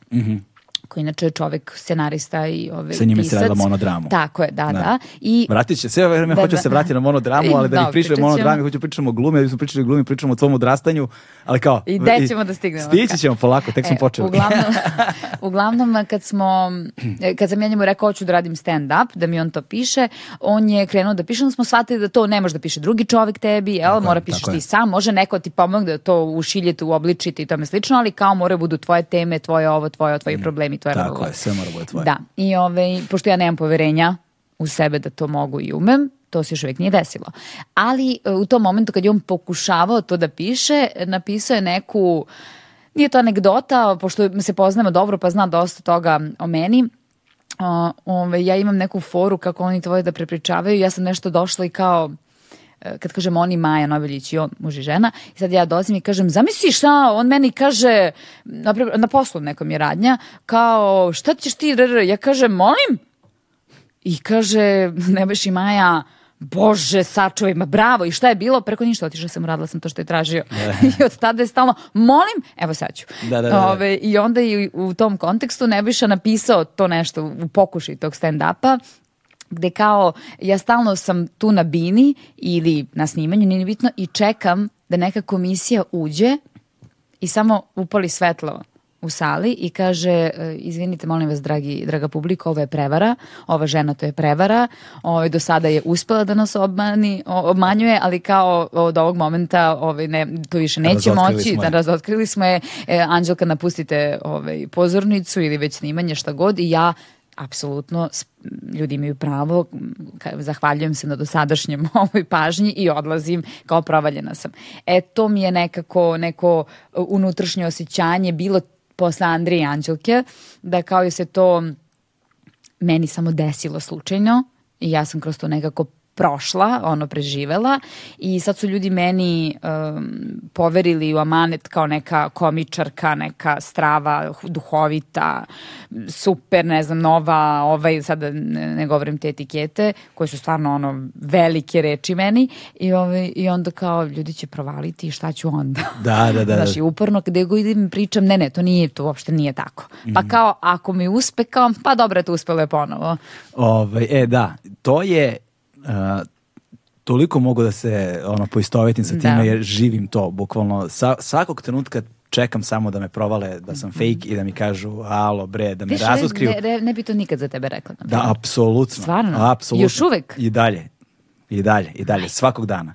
Znaš, svakog dana Da, ja sedim isto. i ja se pitam zašto je ovo postalo ovako uspešno. Ja sam suviše blizu tome da bih video. Uvek kad mene pitaju, uvek kažem, bukvalno sam posljednja osoba koja može govori o tome.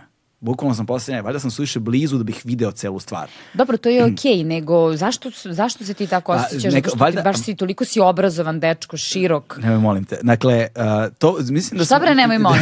mislim da smo dovoljno... Šta ti mene ovde rešetaš pitanjem? Sad ću ja tebi da kažem. Šalim se. Prvo- prvo, mislim da smo mo- de- mi- mislim da delimično je za to zaslužno i to što smo puno godina prisutni. Mhm. Znači, puno godina i puno truda je uloženo, a nekako se to nikada nije naš, A znaš šta je zanimljivo? I onda dođeš do nekih zrelijih malo Mhm. ž- godina u životu kada ti je i ta i ta slava i taj sve, sve nekako posmatraš drugačije. Mhm. Drugačije bi se ja ponašao, vjerojatno mi se ovo desilo s 25 Dobro. nego sad na ono pragu 40. Znaš, to je, mislim, radikalno drugačije. Da, ali... Sad mi baš i ne treba toliko.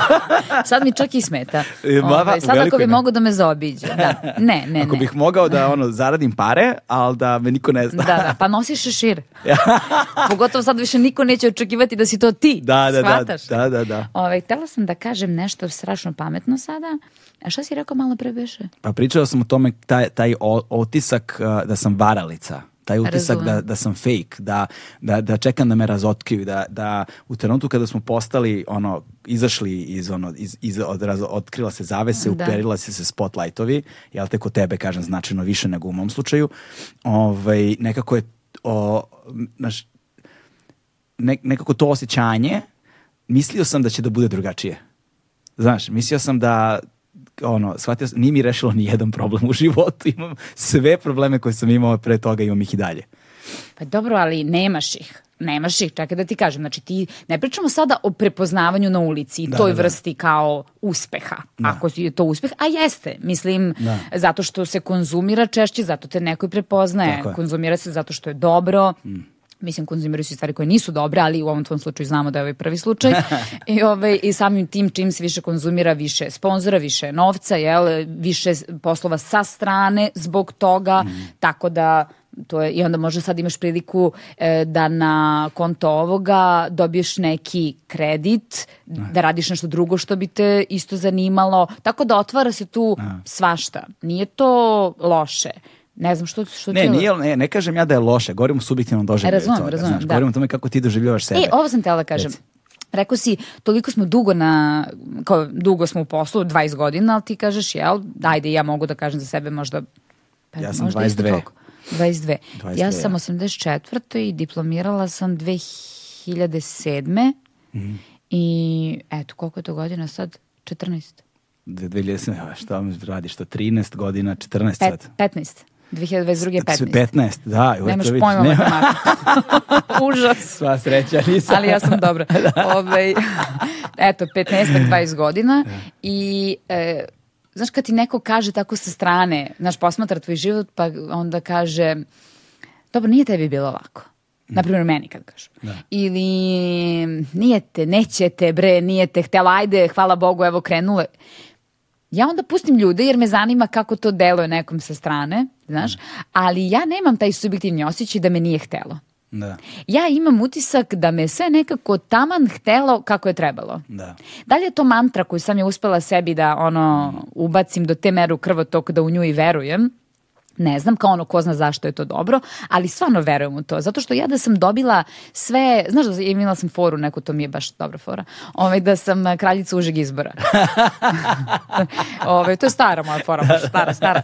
Ovaj, ali e, to je bilo kao ja sam bila kralj- u užem izboru svega Da, da. reklame, e, za crtače, sinhronizacije, znaš ono, svega, sve, ali ne reklama kao zato što neko zna da sam to ja, nego nebitan, on čovek nebitan u reklami, e i za to sam bila u užem Da, da, krugu, da, da. i za serije, i za film, i za predstave, i naravno nikad nisam dobila. Uvek ako se bore između, ono, bore misli između meni i neko drugo, uvek je na strani te druge, Mm. ove, glumice ili devojke, nije ni važno.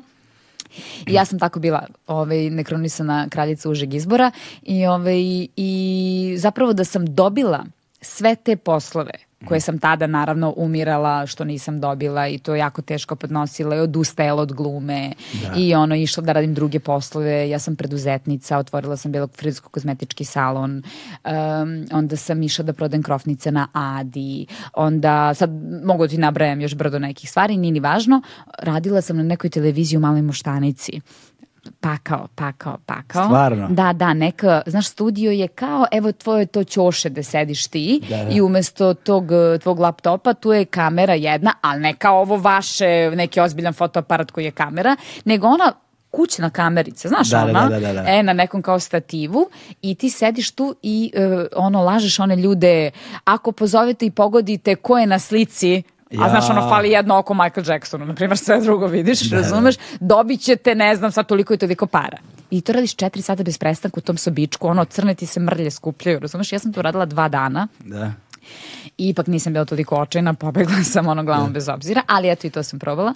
I ove, hoću da kažem da sam dobila sve te uloge ovaj, za koje sam stvarno mislila da me pripadaju tada mm -hmm. i ono kad mi jave ili mi u većina, slu, većini slučajeva ne jave da nisam dobila ulogu. To mi je najgore kad ti To ne jeste, brate. Pa što ne javiš jebote? Da. Pa čekaj, nemoj da me zajebavaš, uzmi, brate, cirkularni mail i napiši doviđenja. Da. Znaš, da sad ne psujem više, baš sam puno puta opsovala.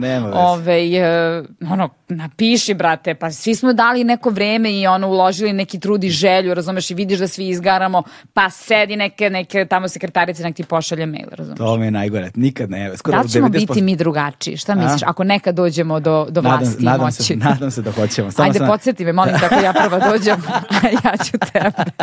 molim te, molim te, nadam Ajde. se barem, da ćemo barem toliko uljudnosti imati. Da. Nadam se, ali važno imati te ljude oko sebe koji te vraćaju, valjda. Mm, to je strašno važno. Yes. Znam sve faze svog života kada nisam imao te ljude jeste, jeste. i falili su ti ljudi. Ja sam ih uvek imala, moram da blago priznam. tebi. Pa blago meni, a i bravo za mene, takve sam i birala. Bravo, znaš. bravo, bravo, a? jest. Kako sam se samo podržala sad.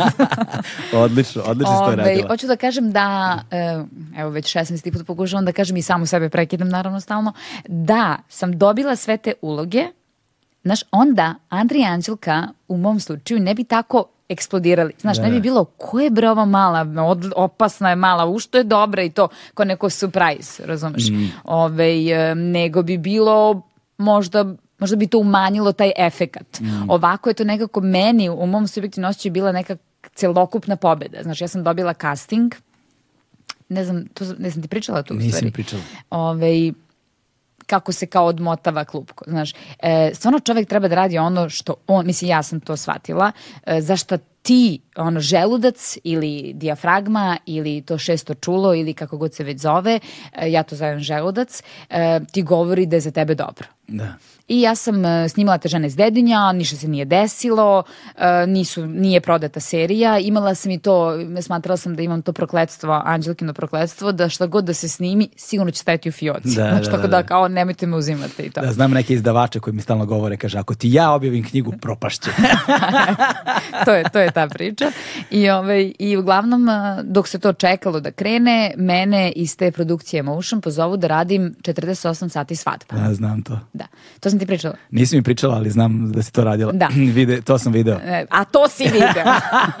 Gledao sam samo best of. Super. Nadam se iz Mladenovca kao, znaš.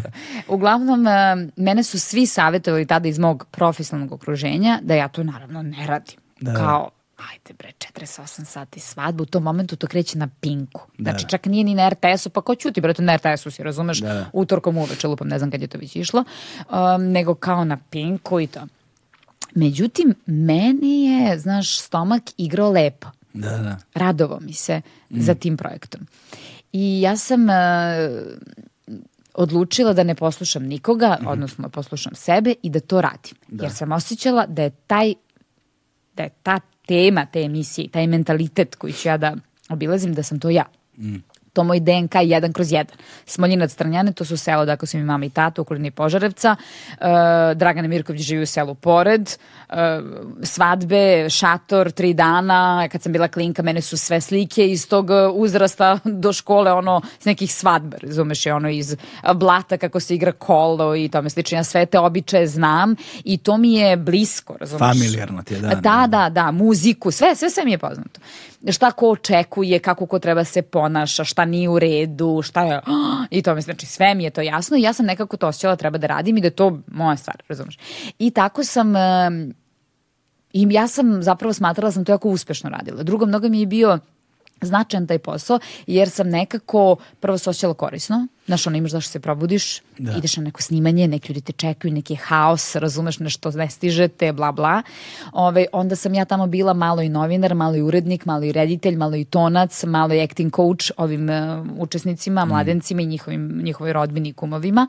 Tako da ove, sam nekako a inače za sebe smatram da sam preduzetni tip, ovaj, da sam dobar organizator i, i mogla sam da sve to malo probam. Da. Znaš, i opet ono da uzem neku anđelku koja će da bude domaćin tamo. Pronađeš taj glas. Tako je, taj što se dere. I, ovaj, I da pokažem poznavanje Vlaškog kola, Moravca i svega što znam jako dobro. I, ovaj, i da je to legitimno, bez obzira što sam glumica sa državne akademije, pa to kao nekako je ono nedozvoljeno i nije cool. Um, I uglavnom, ja sam zbog tog posla dobila neki sledeći posle dve, tri godine, uh, neki show program Uh, koji je recimo bio gotivan jer je bio kao na Saturday Night Live, ovo je bio mhm. Friday Night Project i kod nas se zvalo, ne znam, noćni TV projekat, okay. ali je išao tada na 92-ci uh, ono, on novi 92-ci, kad oni ljudi koji gledaju 92-ku ne kapiraju zašto je nama Milan Stanković ili Dragana Mirković gost u nekoj cool emisiji, mm -hmm. znači ništa, znaš, a ovi ljudi koji bi gledali Draganu i Milana, oni ne okreću B92, da, da. tako da je to u tom smislu bilo neuspešno, ali ja sam na tom projektu koji sam dobila zbog ove svadbe uh, upoznala reditelja koji opet tri godine kasnije uh, radio casting za Andriju Anđelku sa producentkinjom Zoranom Popović i pozvao mene kao ima jedna devojka bre dobre komičarka, mislim mogla bi da je probamo u tom momentu bez obzira na sve ovo uh, sve ovo ne. niko on ta ovaj producentkinja nije znala ko sam niti šta sam radila niti kakva sam i pozvala me i tako sam onda ja probala mm. sa ovim ovim ovim onim i na kraju se ukrstila sa Androm Miloševićem i tako dobila Andru Janđelku. Da, i kada vidiš, znači ništa se ne pada ono s neba. Pa ništa. Zapravo ne pa ono kreacija ex nihilo, ništa ne nastaje ni iz čega. Prosto pa, moraš da si prisutna, kako je to, ko je to rekao, kaže 50% uspeha je tako što se pojaviš. Između ostalog, mada da ja sam, prisutna. ali ono kad kažu, znaš ranije, kao, brate, moraš da minglaš. Da. Kao nemate nigde. Kako neko da te uzme kad nisi im pred očima? Razumem ja sada šta oni govore, samo ja nisam znala gde se to mingla. Razumeš? Da. Mislim, ako su to bife i pozorišni, e, na primjer i premijere, ja tada nisam osjećala da mi pripada da budem tu. Ja sam mm. se osjećala kao uljez. Ja se i dan danas tako osjećam u pozorištu. Da. Nisam puno radila u pozorištu, odnosno jako malo sam radila, ako izuzmem monodramu, o, o kojoj ćemo pričati, baš znam da si hteo da pričam da. Ove, ovaj, I onda sam, e, evo recimo sinoć sam bila da gledam uh, Petrin Venac u Ateljeu 212, već 100 godina ću pogledam tu predstavu, jer sam, uh, moj kraš je Jovana Gavrilović, naša Aha. najbolja glumica, mada od sinoć mogu reći i Marta Bjelica, kolju se, i, ove, ovaj, i bila sam da gledam predstavu i naravno posle predstave sam je pisala uh, hvalospeve i tome slično. Ti si ta u inboxima što šalje one da, ja. zavese od ja. poruka. Jeste. Znaš kada ranije kad smo imali druge telefone, ne ove smartfone, da. pa je bilo loading da. i adapting, ono kad ti stiže ta duga poruka. Ove, yeah. I onda sam pisala Jovanici uh, koliko sam i dalje zaljubljena u nju kao glumicu i zašto, a onda mi je napisala što nisi došla do bifea, jer to je ljudima normalno ponašanje. A ja sam iz fazona da kad bi ušla u bife, svi bi pomislili šta se ovo trpa ovde, ono, kao ono ovde ne pripada. Znaš, da, to je moj subjektivni osjećaj i dan danas nevezano toga koliko mm. kolega mojih s kojima radim neke druge poslove, uglavnom snimanja, rade tamo i sigurno bi voljeli da me vide kao i ja njih, ali ja se ne osjećam tamo uh, dobrodošli, ne osjećam da pripadam tome snafu. Da, da, to je... E, to je to osjećanje o kojem mm -hmm. sam ja mhm. govorio malo mm -hmm. pre, znaš, to je to osjećanje. Zapravo ti si ga najbolje prepoznala u onome što je tvoja vokacija, gluma. Mm -hmm. Znaš, ja mhm. sam ga najbolje prepoznao u onome što je moja, prevashodno to je televizijski posao na neki mm -hmm. način, odnosno više ne znam ni šta je, pošto televizija u tom tradicionalnom smislu ne ne postoji više. Pa ne postoji praktično ono naš živi mrtvak. Mm -hmm. ovaj, da, da, da. Na, jed, pa jedine dve stvari realno koje će televiziju održati u životu jesu oni elementi kojima je neophodno kolektivno.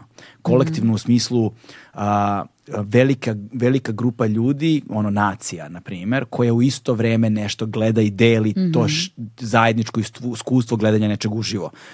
I Tipa to utakmice, prenos Sportski prenosi, Aha. sportski prenosi I Gledam ono, gde da se denemo kad sam to pa krenuo. da, da, možemo- sportski prenosi a, vesti, Mhm. news i live show. Ono, znači, kad ima nešto veliko, primjer, Da, da. Eurovizija, recimo, tako nešto, to su televizijske stvari. Da. To je nešto što je stvarno ono, i sad vidim da pokušavaju ove platforme tipa Amazon Prime, ovi oni Mhm. kao imaju ono watch party, pa kao kad nešto počneš da gledaš, pozoveš ekipu koja je isto tu, pa šerujete link, pa u isto vreme gledate, pauzirate šta god, pa kao imate chat box, pa ne znam šta.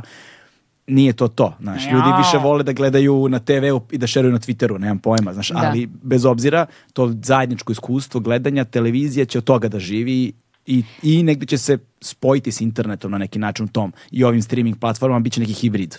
Ali klasična televizija, to je već... ono, Da, da, pa se. Znaš, da. tako da ne mogu da kažem za sebe opet televizijski, ali jesam iz televizije. Ali čekaj da te pitam, u ovim e, šinama koje su, bi ostale, Mhm. ovaj, kako sad kažeš, kao sportski program, e, news e, i mm, taj na veliko, da, da, da, kao, da. gde možeš sebe negde da vidiš? Ne. A, sport i news nikako i nikada, ovaj, ali recimo Mislim, ne da nemam poštovanja prema tome, samo hoću da kažem... Dobro, prosto- sebe ne da, vidiš da, da, ne vidim Da, sebe, da, nisam razumem. ja lik koji prati Da, da, da. profesionalni sport, znam imena sportista i da sad ja pričam, znaš, to je nešto da ja se Mhm. prosto... Probao sam i to, by the way, znaš, kao i ne ide. Dobro. Ovaj, uh, za mene to na silu teranje da nešto znam, znaš, da sad ja ono catching up, kao znaš, ja Da, moram da. da. ne znam, naučim istoriju odbojke u tri dana da bih mogao ne znam šta da radim. Ne, ne, ne, to se neće desiti. News, strahovito poštovanje imam prema ljudima koji se bave ovaj, newsom, ali to je opet jedna vrsta motivacije, to su ljudi koji se lože na to. Znaš, ono, kad se desi neko sranje, oni se uzbude. Znaš, ono, redakcije, ono, Mhm. Da, da, ostiš- vrvi, gori, ajmo, šta ćemo i da, to, Da, da, da. oni su to, znaš, ono, sve ide na hold i sad smo 16 sati u redakciji, stojimo negde, čekamo, znaš, ono, ko će prvi da objavi vest i to. Ovaj, ja razumem to osjećanje, ovaj, bio sam u tim redakcijama milion puta i imam, kažem, negdje tog iskustva, ali nije to to, znaš. Mene, ja više volim ono storytelling, znaš, ja Mhm. više volim pripovedanje, ja više volim alternativu, više volim kulturu u Mhm. njeno najširem mogućem nekom značenju, da kažemo tako. I onda, ako posmatramo ova tri, taj- Eurovizija. Taj, to. li- taj, ne Eurovizija, ali taj live, show, taj live show bi negde imao dodirne tačke, ali to bi opet moralo da bude nešto specifično, znaš, Da, da. Ne, ne nešto što je baš full mainstream, ono, meni, ja volim da gledam Euroviziju, na primjer, obožavam da gledam, da, da. ali ne vidim sebe kao vojitelja Eurovizije. Razumem. Znaš. Mada ako gledamo ovu posljednju, toliko su bili nikakvi da mi bi bili strava. Sve oko nepripremljeni. Da, ne to, ne, ne, ne, ne znam stvarno, ne bih da komentariram, pravo ti kažem, ne sjećam se Ne najbolje, Aha. ali čim se ne sjećam, možda to nešto znači. Ove, ja se uglavnom se sjećam nastupa, ne sjećam se previše uh, Da, pa dobro, nisu voditelji tu ni toliko važni. Pa tako je, vojitelj u tim slu- slučajevima treba da bude link, Mhm. veza između segmenata i da bude što transparentnija osoba, Jest. znaš. A nisam ni u tome baš dobar, ono. Vol- volim da budem u fazonu malo gledi mene. Da, da, da, ajmo, ajmo sada kad sam već ovde. Ja sam, sećam se kad sam bila, to je opet ovo, uh, kastinzi, audicije neuspešne. Uh, ova je bila poluuspešna, TV prva, valjda. Mislim da je Fox prelazi u prvu, ili tako da, nešto. da, da. I tada su oni pravili neki veliki casting za TV lice i to. Mhm. I ja sam naravno, ono, kud svi Turci tu imali mujo, znači što kaže moja mama, srećom nisi rođen u ovo današnje vreme, jer bi bila po nekim, verovatno, ovim zvezdama, gra- znaš, ono, gde god se neko takmičio, ja ću, ovaj, iz želje da se, da se nešto dešava, znaš, kao, i pošto nisam od ovih mingluj da te vide e, po bifejim ili ne znam gde se to kreću producenti, filmski, televizijski i tome slično, ja kao kad vidim da ima audicija, ja idem. Bez obzira što možda nije za mene. Da. Ove, jedino gde nisam nikad išla, evo, bit ću poštena, je na audicije na terazijama ove, za mjuzikle i ročina pevam. Stvarno i bila sam i sezona, stvarno nema potrebe, baš, baš nema potrebe ovde I dolaziti kao. kao. i to je to.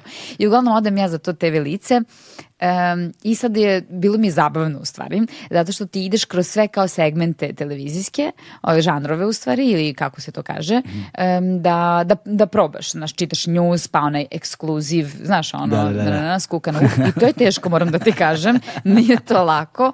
Pa onda neki, da li je bio intervju ili već ne sjećam se šta. I naravno, najteže mi je bilo na news. Znaš, zato što e, ja imam problem što mislim da ti kad čitaš tužnu vest ili strašnu, treba nekako da se osjećaš s njom. I onda ti više nisi informativan, nego si nekako emotivan. I to nije dobro. Pogotovo što ima stvarno tih, e, sad pričamo o glumi, kao glumaca i glumica koji imaju bre patnju na licu a priori. Da. Znaš, ti kad ono, kad razmišlja gde sam beše parkirao, ti misliš šta li mu se desilo, majku ti, znaš. A imaš ovih drugih, gde mislim da ja češće spadam, gde ovaj, kao i kad se dešava nešto strašno, na mom licu to ne izgleda Mm. Rekla bih da je tako, nisam sigurna. Znam na što misliš, da. E, I uglavnom onda kad je to u njuzu bilo, ono, ja sam baš bila uf, zbog ovoga me neće zvati sigurno. Međutim, zvali su me. Duše, hteli su da e, ono, stažiram i statiram, odnosno da i učim posao, a ja sam tela da kao zarađujem, pa ovi nismo se našli. Ali eto. Sa tradicijom dugom skoro tri decenije, Legend Worldwide je prepoznatljiv domaći brend sa akcentom na jeans, pre svega, koji odlikuju bezvremenski, klasični modeli. Da, to je, znam, poznato mi je to osjećanje, zato što sam ja dugo godine imao, ne znam, možda i dalje imam tu oblandu nekog veseljaka koji se stalno smeje. Znaš, kao nekako to me prati celog života i bez obzira kako god da se ja osjećam, naš ljudima je teško da, da, da mi poveruju uopšte da ja mogu da budem u takvom nekom stanju ili da moj život možda ne izgleda tako kako sam ja naučio da prezentujem sebe. A to su opet i neki mehanizmi koje naučiš ko klinac. Jeste, ba ja kad sam krenula na psihoterapiju, Mm. ovaj, baš prvu psihoterapiju, ja sam došla i krenula sam e, sa doktorkom mojom Bojanom da ono žonglira mandarine, znaš, da... da impresioniraš, Tako da je, da zabavljam, tako bacam forice, ha, ha, ha, hi, hi- histerična potpuno ja. Ove, hiljadu puta s kosa spusti, sedi, noga prebaci, je. na kraju žena, a ona totalno, ono, poker face, razumeš, jedan poš, ono, u svemu. I bila je iz fazona, Ja znam, to je na... Znaš, ono, znam. baby, kao, izvinite, Anđelka, šta je smešno? Kao, pa ne, ne, ne mislim da je smešno sad to, ne, ne, nego kao kad bi recimo to bilo u filmu, realno bilo bi smešno. Da. Kao, pričamo o sebi nekom najgorem događaju u tom trenutku Da, koji da, sam da. doživela Da. emotivno, fizički svakako, onako dosta teško i ove ona kaže meni, pa baš ne bi bilo smešno. Da. A s obzirom da je to vaš život i vama se to desilo preksinoć, ovaj, baš nije smešno. Ne znam što je vama smešno. Šta vam je smešno? I onda to, kao shvatila sam da ne, ne moraš da uvek svakoga animiraš. Ma to je zeznuto kad te tako neko etiketira, a i mi onda uz to se, znaš, prišljamčimo, kao ćuti, evo, makar sam ovakva, Da, razumeš? da. I onda samo da to ne izgubiš. To je Kao- taj nedostatak samopouzdanja. Da, da, da. To je to. Takav. To je to. Jeste. Zapravo je to sam i ja, znaš, i onda treba ti mnogo vremena u životu da naučiš da budeš ono što jesi. Mm. Znaš, sad pitanje je da li je to ikada proces koji se završava. Tako je, verovatno nije. Hvala Bogu. Znaš, da, ali u velikoj meri, ali postoji odstup, ali, če, ali postoji ta disproporcija između onoga kako se ponašam i šta zapravo osjećam i želim i hoću i ono, to je, naš velika je, za nekoga, ljudi koji nisu imali tu vrstu problema ne mogu da ga razumeju uopšte. Znaš, ono, van, van mogućnost, van spektra dok njihove misli dobacuju se to nalazi. Ne mogu da počnu da ga razumeju, ali ljudi koji znaju o čemu govorimo su oni koji vjerojatno to isto proživljavaju i kao, znaš, i onda ovaj, dobro je, ja mislim, govoriti o tim stvarima javno. e, ajde sad da, da, da, da mi, što sam da ti kažem, kad si rekla da si ti kraljica užeg izbora, ja se zajebavam, ovaj, mene ljudi ili, znaš kako ja znam da me ne prepoznaju, da mi se obraćaju na engleskom. to mi je ono, to, to, to, to mi je Aha. zicer, to mi se stalno dešava. Znači, tako znam da me sigurno nikad nije vidio u životu na engleskom i se obraćaju. Sad ga počnu namjerno da mi se obraćaju na engleskom. Da. ovaj, dakle, ti si iz Požarevca. Jeste. Da, ovaj, kako je izgledalo ono odrastanje u Požarevcu? Pa meni lepo. Mm. Meni lepo, ovaj, nekako normalno. Da. Normalno. Znaš, ja slušam sada razno razne priče, ti ja smo pričali, pa to moji drugari, pa klasići, pa znaš, sva što su ljudi doživljavali, pogotovo u Beogradu, Da. to kad pričaju o 90-ima, znaš, i to kao skidanje patika, ne znam šta je sve bilo. ovo, Jeste bilo e. Tučnja, tuče, tučnjave, Ove, pucnjave, neko nosi pištolju u školu Da, i te je i fore, mislim, Noževi, pištolji, sve fore, da, to su za mene fore. Da. Znaš, to je za mene, a, priča, kao iz nekog filma. Ja sam, ja sam to sve video E, uživo. a ja to ništa, hvala Bogu, nisam videla. Mhm. I uopšte nemam utisak da se tako zaista živelo.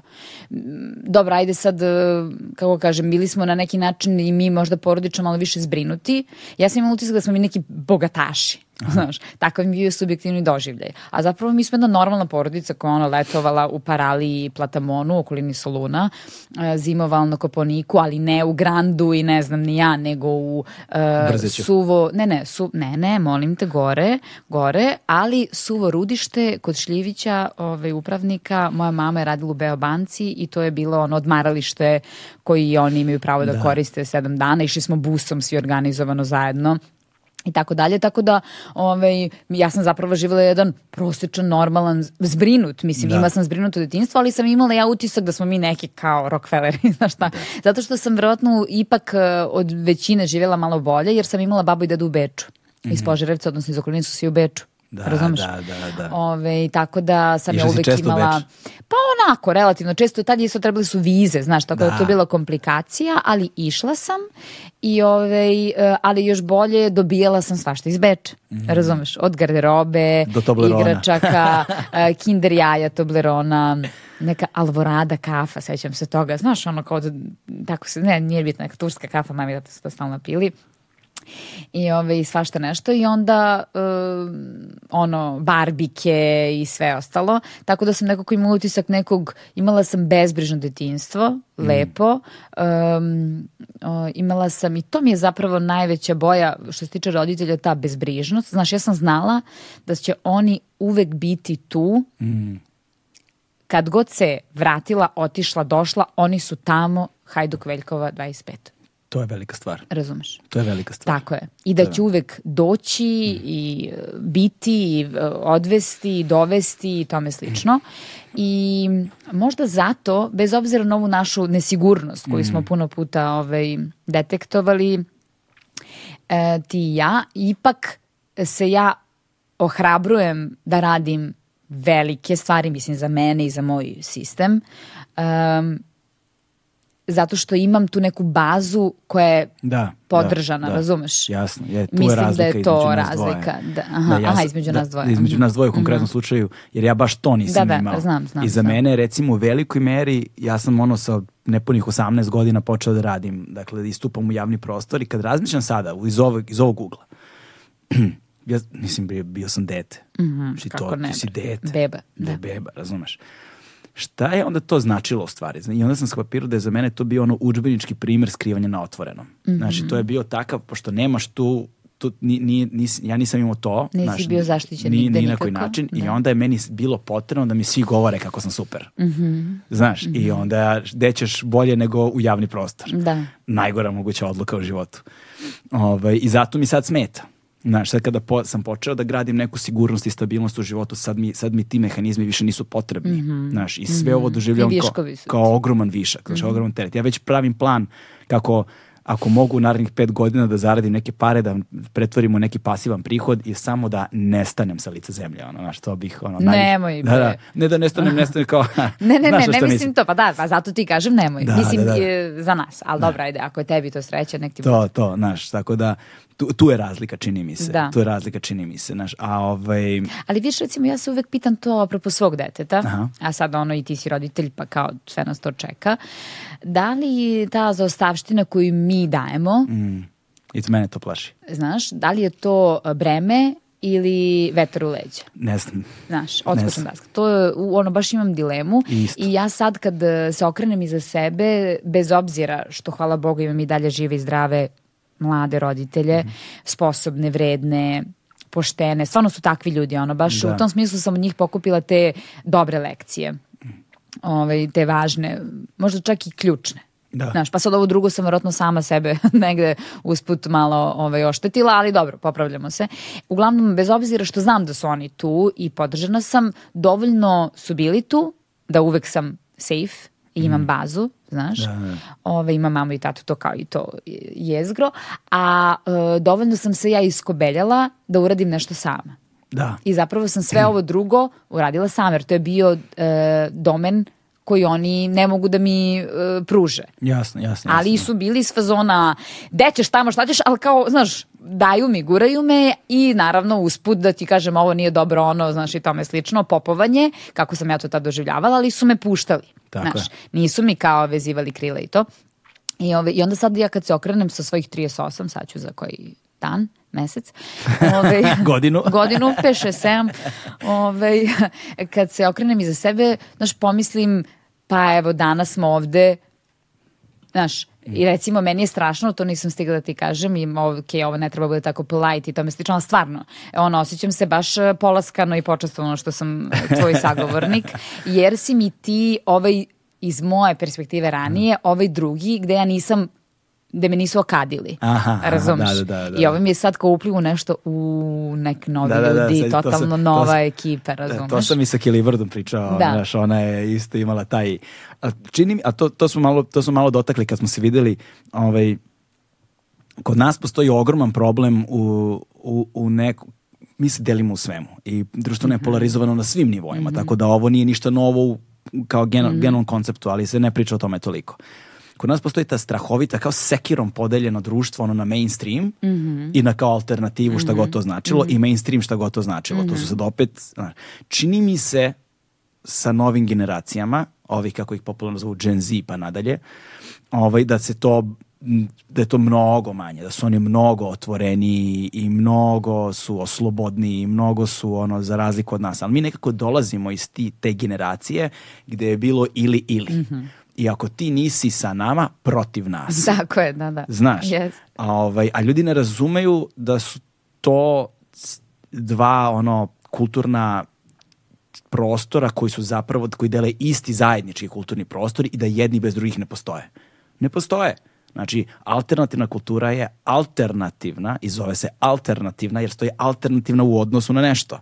A to je popularna kultura. Znači, to je kao jedan koradni sistem, jedna vertikala, jedna horizontala.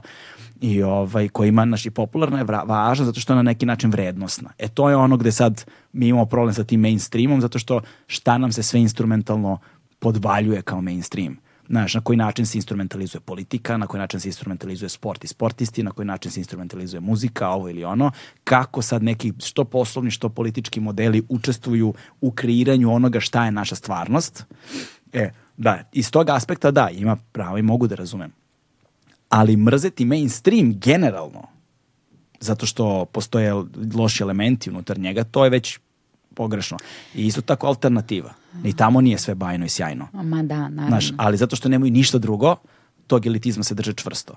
A nekako se, ja trudim da bude most, ono, kao, jer ja razumem i jedan i drugi svet i kao bio sam i u jednom i u drugom svetu, znaš. Više sam bio prihvaćen ovom alternativnom do duša, ali bez obzira. Bez obzira, oba imaju ogromne vrednosti, samo mi treba da ih prepoznamo na neki način. Ali neće ljudi da budu medijatori. Da, da, da, lakše da se opredeliš. Tako je, jer to je, je linija manjeg otpora, Da, da. lakše da se opredeliš. Da, Znam. ovi ispred uh, kao alternativci, oni su malo iz fazona ka, neko nipodaštavanje naspram tog mainstreama ili, ili je to isto maska. E, A? to sam teo kažem. S Fora. jedne strane je maska, a s druge strane malo i tvoj subjektivni doživljaj. E, jeste. tvoja nesigurnost. Jeste, jeste, Znaš, znam, isto. znam, znam. Znaš, jer, jer, jer negde intimno tražiš validaciju. Jeste. Znaš. Sećam se, ne znam sad primer, ali nije ni bitan primer i da se sećam, vjerojatno ne bi bilo dobro da ga pomenem. Ove, uglavnom, em, nekada je bio neki muzičar, ali neko tako benda potpuno alternativnog, to sve, ali kao zvučno je ime, znaš. I uglavnom ja sam primetila da je on prema meni onako u nekoj bez veze komunikaciji, razgovoru negde, blagonaklon. Znaš. E, to jest da bi mogao da mu se dopadne, Aha, razumeš? I ovaj, ja sam to doživjela kao da sam najjača riba ikada, razumeš, baš zato što kao ne pripada mom svetu, razumeš, Da, da. ljudima koji uživaju ov- ovakvu estetiku i šta ja znam, razumeš, kao da je to, tako sam se osjećala stalno, baš sam se osjećala tako, kao ono, ne pripadaš ovde, na akademiji, non stop, Mhm. ono, uh, jer sam redko koja nosila boje, šminkala se, ali šminkala ovo, tipa maskara i rumenilo, znaš, um, imala isfeniranu kosu ili da ne kažem čistu. Užas. Znaš, e, ali to je, mislim da na kraju dana samo to kako se ti nosiš sa Jeste, sobom. ma da, sve Kako se- subjektivni, da, doživlje. Kako se, skroz. mislim da na kraju dana zaista samo kako se ti nosiš sa sobom.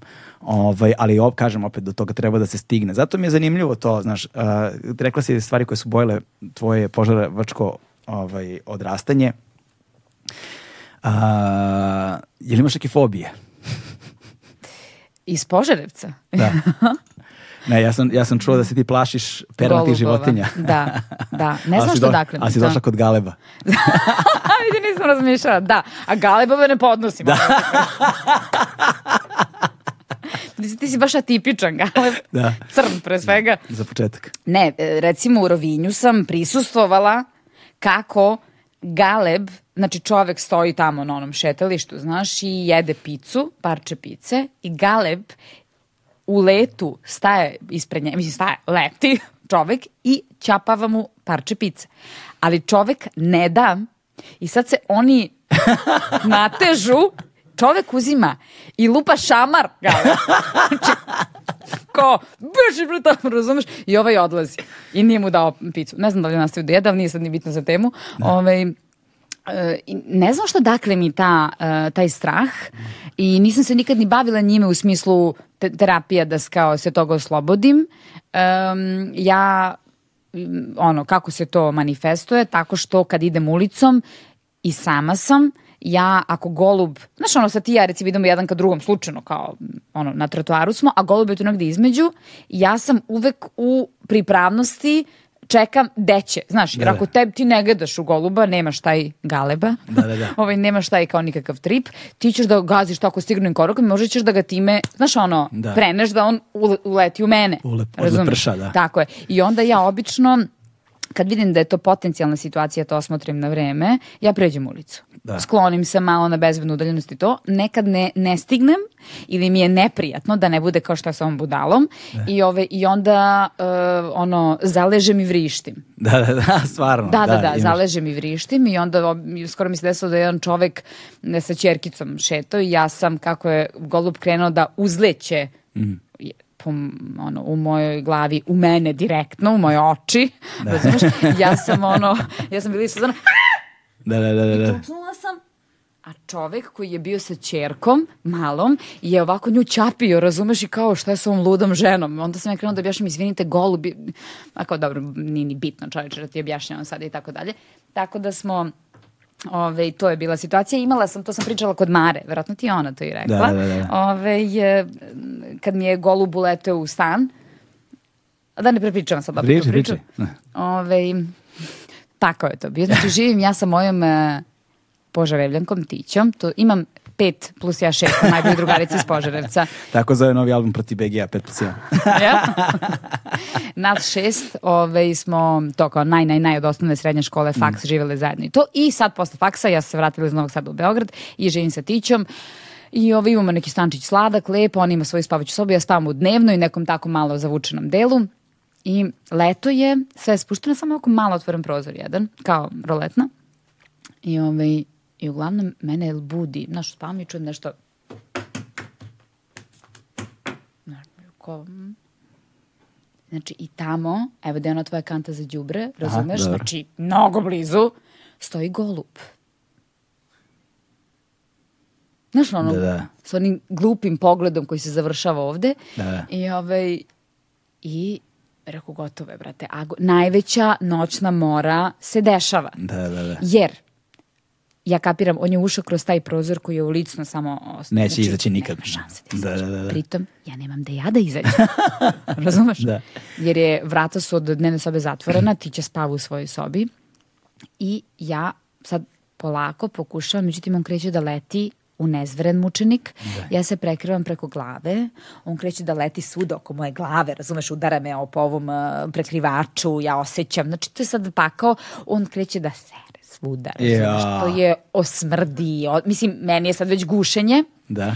i ja shvatam da bi mogla da izađem, ja moram da se nekako sakrijem. Da, da, da. Znaš, i uzimam taj čaršav, prekrivam se preko glave i spuštam se sa čaršavom kao da sam kućica. Da, da, da, da. Znači ovako čaršaf uzimam, zavlačim ispod sebe i ovako se spuštam sa kreveta i tako puzim. Razumeš, tim čaršafom udaramo sto o stolicu. ja. Kao jer ja ne vidim Da, ništa, razumeš? govna, Tako, golubija. sve to. I ja lagano, znaš, ispod tako, taj šatorčić se kreće i napipavam vrata ono, nekako pokušavam da izađem sada da on ne izađe sa mnom i tamo, Da jer ja ga sad više ne želim nigde, Da, razumeš? I zatvaram i kao budim tiću, mučenu, tića ulazi da je otera goluba i eto, to mi je pakao noćna mora. Ne znam što s toga nisam nikad rešila. Ne znam, da, sad, sad ja zamišljam da li imam ja neke iskustva koje bi tebe možda prenerazila kada su ptice u pitanju. Evo imaš. I imam jedno, ovaj, uh, u, na, moj prvi odlazak na bilo kakvo selo u životu, tipa imao sam 15 godina, čekaj. Ja ću, ja ću. Ajde, pazi, imao sam tipa, teško. imao sam da, pa pun je ono bokal. A lep je. Da, ovaj, imao sam tipa 15 godina i, ovaj, i bio je problematičan život u kraju ovaj, Mhm. gde, sam, gde sam odrastao i reši majka da me pošalje kod nekih ljudi na selo. Kao malo. znaš, Da ti izbiju te bubice iz glave? da, ne da mi izbiju bubice, nego da me samo, samo da me sklone, Da od, sklone, aha. da me sklone od ono, problematičnih situacija. I, ovaj, ja se sećam, ja tamo sam bio ovaj, u okolini Prijepolja, ima naselje, zove se Kolovrat. Tamo smo bili i onda smo odatle išli svaki dan u neko selo, ne znam sad gde je tačno, da tipa plastimo seno. I onda to bude akcija, to traje ceo dan, bude jako puno ljudi, ogromna je, ogromna je, ovaj, ogromna je površina u pitanju, hektari neki silni. I, ovaj, I onda tamo, znaš, bude to posle radnog dana, klopa, ovaj, cirkaju mi deca kao s- mlađi kao na spavanje. Sad ti ješ da spavaš, možda misliš mene koji nisam dan van Beograda proveo nikad, imam tipa 15 godina, i ovaj i ono znaš na selu padne mrak ne znaš mislim nije, nije ne, ne mora ni da padne mrak nego kao nemaš televizor, nema takva, radio, da, da, nema da. ništa, ono, kreće da pada, znaš, smrkava se, nema uličnih svetla, nema ništa i ti si bukvalno ležiš u krevetu, ne da nisam umoran, ne da nisam, nego samo ne znam šta se dešava. I, ovaj, i sećam se da sam delio krevet s nekim, ovaj, s, s nekime sam delio krevet, ne sjećam se s kime uopšte čoveče, ali kao, znaš, nema dovoljno kreveta, pa svi smo bili po dvoje, troje u krevetu, znaš, deca svi zajedno Da, da. svi spavaju, ono, hrču, ja gledam u plafon i ne znam šta ću od sebe, znaš. Još sam ono na jednom komadiću, ono, je- jedna, jednom, jednom, jednom parčencetu kreveta na Da, ivici da, samo, naravno. znaš. Ovaj, I samo vidim ovako jednu siluetu ogromnu na prozoru sova. Uh, Sova stala na prozor i kao i stoji tu u mraku onako potpuno sablasno izgleda. Znači vidiš i siluetu, razumeš samo. I kao posmatram to sobu do duše, ja nisam, ja sam samo bio fasciniran. da, nisam da, nikad vidio tu sovu. uopšte, da, da, tako blizu. Da, da, mislim ni pre ni posle toga više nikad nisam video Mhm. sovu. Ono, video sam, ne znam, u zoološkom vrtu, nisam video uživo ovako divlju kao sovu, nisam nikad video. Samo tad. I, ovaj, I to mislim da je jedino iskustvo. Mislim, ovo je, nema, nema Da, kraj. da, slatka je priča. Da, da, da. da, da. Nema veze, Ali ja ću tebe da u ti pomognem, situaciji. pomoći ću ti, Da, da. sad ću da nastavim. Ove, ja, sam, ja sam dete sa sela, mogu tako da, kažem. Mama i tata i familije su sa, na selima i dalje, imaju kuće i između ostalog imali su, e, a ujka i ujne imaju još uvek i živinu i ranije je nana i i drugi baba i deda i stric strine imali su i stoku i krave i razumeš i sve ostalo, svinje, ovce, bla bla. I tako da znači ja sam stalno recimo kad odemo kod e, nane, mamine mame u selo, mi sedimo ispred tog oraha kao ispred kuće, ispod i e, stalno neke kokoške kljucaju to okolo i petlovi. Doduše ja sam i tada, znaš nisam ona kao deca bila ja dođe da viš pile što je slatko da mazim. Nikad nisam volala da mazim piliće, zato što su mi zapravo gadne su mi te njihove e, smežurane noge. Razumeš, ti kod malog pileta je smežurana ta noga nekako. A recimo išla sam da mazim tele. I to mi je bilo slatko da vidim kako se otelila krava ili osvinjila, Da. oprasila svinja, osvinjila. Ovaj, Evo, Jasno se kao usvinjila. E, ali e, to uvek sam od kokošaka i, i tih petlava po ovom bežala. A u drugom selu, na primjer, to kad je bilo bombardovanje, ja sam tad provela ono celo leto to je bio kraj osmog razreda između ove srednje škole i provela sam u selu oko strice i strine i onda smo sve to radili što treba, znaš, Da. radili ovo, radili ono, bla, bla, bla. Između ostalog, stalno smo terali svinje kao da idu tamo da jedu i sad mi iz uh, dvorišta, iz, iz tog svinca, njih teramo kao, znaš, ajde, ajde, ajde i idemo tamo negde da je njihovo ono imanje da mogu da ove tu pasu šta rade ili šetaju malo i onda ih vratimo. I u tom povratku mene krene da juri jedan vepar. Znaš kao to zvuči kretenski kao jurite svinja, možeš to, misliti. nije na, to nije naivno. Te naivno, sine. Pritom ja sam smotana spora, ono, užas. Znači, toliko sam se uplašila, on je ogroman bio i ne znam što, što mene počeo da juri. u svakom slučaju ovaj, sam uspela da u- uđem u traktor i tako sam se ovaj, spasla. Ali ovaj, ne znam odakle mi ti strahovi. Jedino sam bila iz fazona, brate, toliko želim da me pozove tako neki važan, dobar reditelj, neki dobar film. Sad mi si pozove me kusta i ono moram da čerupam te guske i stalo da nosim neku pernatu, znaš, pa kao... Kako bi to prevazišla? Jel bi E, uspela? pa uspela bi. Ne znam kako, ali bi uspela. Da. Evo sad se naježila malo. Da, da, to je ono. Ali uspela bi, uspela bi. Ovaj, ti si uh, studirala glumu u Novom Sadu, tako? Mhm. Uh, I u klasi Borisa Isakovića. Reci kakav divan čovek. Predivan, A? predivan. I, i čovek e, i glumac. Da, da, da, da. Mislim, Maestro. van, ljudi ga znaju kao glumca, Da, tu da, ne, da. to, je- ni- To je- znaju već, Da, da, to da, već da. znaju. Ona, Yes. Znači, veličina jedna glumačka, to da van, da, Yes. bez daljnjeg uopšte. Ali a, za mene pravo iznenađenje je bilo Kakav je koliko- tip. Da. Yes. Pritom, on, pritom je on baš udžbenički primjer onoga kako koliko je sve što misliš čovjeku pogrešno. Jer A dobro, ja nisam imala, kad, kakav si Da, ti da. utisak imao pa njemu? ja, znajući ga pro- posebno kakve uloge igrao, Mhm, naš, pa, ono, naš i deluje kao onako jedan krupan, stasit, Da, da.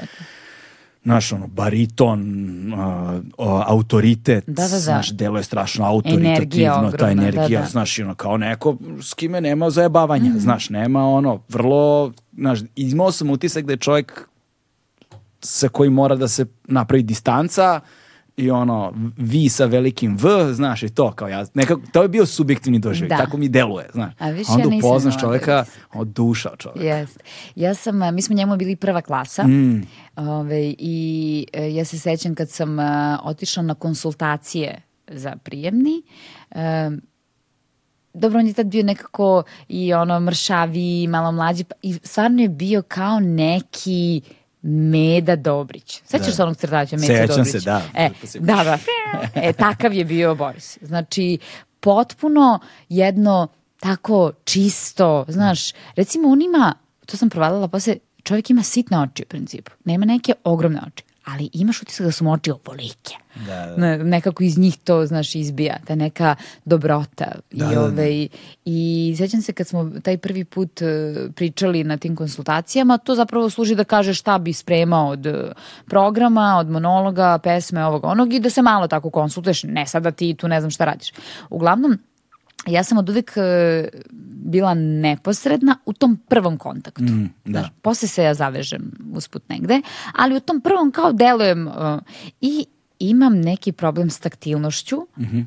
Ne da je, ovaj, da kao Znaš, ljudi obično imaju problem da kao ne bi pružali ruku, problem ima a ja, naprotiv, ja sam ono kontra, ja bi pipnula svakog, razumeš.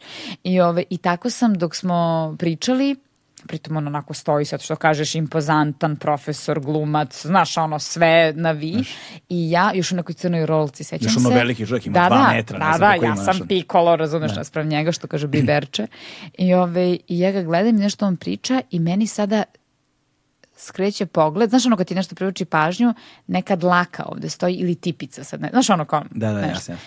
I sad ja kao, koncentriši se, Anđelka. Ja više ne slušam što imam priča, jer ja samo vidim ovo što hoću da skidam. Da, da, da, Razumeš? da, da. Imam tu manju da ljudima skidam dlake sa njih ili da ih trebim, razumeš? jasno. I, ove, I ja tako u Čerupaš. jednom momentu, tako, aha. ja tako u jednom momentu a, sačekam da on ipak završi rečenicu i krenem sa pa da, u pravu ste, ovaj, um, izvinite. E, I sećam se, mislim da je to bio opet moj taj doživljaj, da je on bio iz fazona, šta je sa ovom osobom, što je ovo radila i onda sam ja otišla kući kao jao debilko šta sam, da sam napravila sad ono neku grešku, ono kardinalno razumeš kao sad će, neću proći na, na prijemnom zbog ovoga um, i onda sam naravno uh, uspela da ga i zavolim kao profesor, odnosno čoveka i da ovaj, nekako em, uspostavim neko strahopoštovanje prema njemu, što mi smeta, na primjer, sada. Da. Jer kako kažem, poštovanje, da, strahopoštovanje Da. nepotrebno, jel? Jasno. E, mada možda su se tako i razvijele stvari posle da, kažem ti, nisam, nisam puno radila u pozorištu i radila sam ove stvari koje su bile to mm, za mase, e, mainstream. E, imala sam stalno utisak da mm, e, da to nije nekako dovoljno dobro iz te profesorske vizure. Tako da i danas kad ga sretnem, obradujem se i bude mi drago i imam taj zazor kao, Da, znaš. da. Nisam ispunila očekivanja. Tako je, da, da. A zapravo to je potpuno besmisleno. Mislim, ne, ne, ne želim da, Verovatno. ne, da, ne, da me ne shvatiš pogrešno, ne govorim u, u kontekstu da sad su tvoje osjećanja besmislena. Vređi, znaš, vređi, kao nema da. problema. Znaš, ovaj, osjećanja su vrlo legitimna i stvarna, bez obzira čak i kada nešto znamo da nije racionalno, to os- emociju Imaš ne pravo čini, na to, da, da. emociju ne čini manje stvarno. I samim tim ta, tu situaciju ne čini manje stvarno. Ali, pardon, ali, ovaj, ali u suštini, recimo baš ako posmatramo sve te velike zvezde, na primjer, naš, u, iz Hollywooda i tako dalje, recimo na zapadu važi potpuno drugačije sistem vrednosti. Znaš, I u razvijenim zemljama generalno gde ono, imaš zavidan nivo ovaj, a, kulturne pismenosti među populacijama, dakle ne mora da bude Amerika, bilo koja druga zemlja, ti kada uđeš u mainstream ti si uspeo čoveče. Znaš, kao to, ti si zaslužila si da te znaju ljudi. Znaš, kao, našla si se u poziciji i, Nije slučajno. i, nije slučajno. I činjenica da to komunicira sa velikim brojem ljudi takođe nije slučajno. Znači, ako, s- ako je tako veliki broj ljudi uspeo da se identi- identifikuje s tobom, šta je tu tačno loše? Šta je tu tačno loše? Znači, ne treba mi da se, i to je ono što meni stalno smeta, posebno se u muzici to dešava. To se posebno, mu- muzika je vrlo osetljiva na takve teme. Gde ukoliko je nešto mainstream i komunicira sa ogromnim brojem dece, znaš, i onda se kao, a, ovi muzičari nam kvare decu. Znaš, Ma čoveče, kako muzičar jedan može ti kvari dete? Ti bolje se, za, bolje sebi da postaviš pitanje zašto ta poruka koju oni šalju komunicira sa tako velikim brojem dece. Tako je. Zašto? Jer oni su stvar duha vremena. To je zeitgeist, to je to. Oni su duh vremena i pogodili su ga dobro i to komunicira sa svima njima. Da, da. E sad, hajde mi da se pitamo kakav nam je to duh vremena i zbog čega je takav i koja je to poruka koja komunicira s našom decom. Hajde to da postavimo kao pitanje, to je onda legitiman dijalog. Ali kao da sad tebi kriv taj neki muzičar zbog nečega, to je potpuno besmisleno. E isto tako i ovo. Tako je, pa jeste, znam ja sve to na svesnom planu, znaš, samo je ono pitanje, uh, valjda, to kad ćemo sami sebe da štikliramo, znaš, da. da. Da, sebi daš za pravo to upravo. Da. E, Dokle ćeš tražiti validaciju nekog drugog? Tako je, da, da, da. Kad, kad to prelazi u amanet Pa, ono sreća je unutra. stvarno- Pa Znaš, jeste, ti, znam. ti čim sreću izmestiš u spoljašnju sredinu i kažeš sebi neću biti srećna ako. I šta god da ide nakon tog ako, uvek će to jedno ako kad ga postigneš biti zamenjeno drugim ako. Tako je. Ambicija tako funkcioniše. Želim ovo. Sekunde kad to dobiješ, želiš, Želiš nešto, nešto drugo. drugo, da. Znači ti moraš da budeš zadovoljna Mislim, sad ja tebi pričam i imam isti Ne, problem. ne, ne, cijepaj, Znaš. Pričat ću o tebi sledeći put. Kad savladam. e, da, to, da, da im popuješ onda. Tako je. Ne, onda ćeš se sažaljevaš.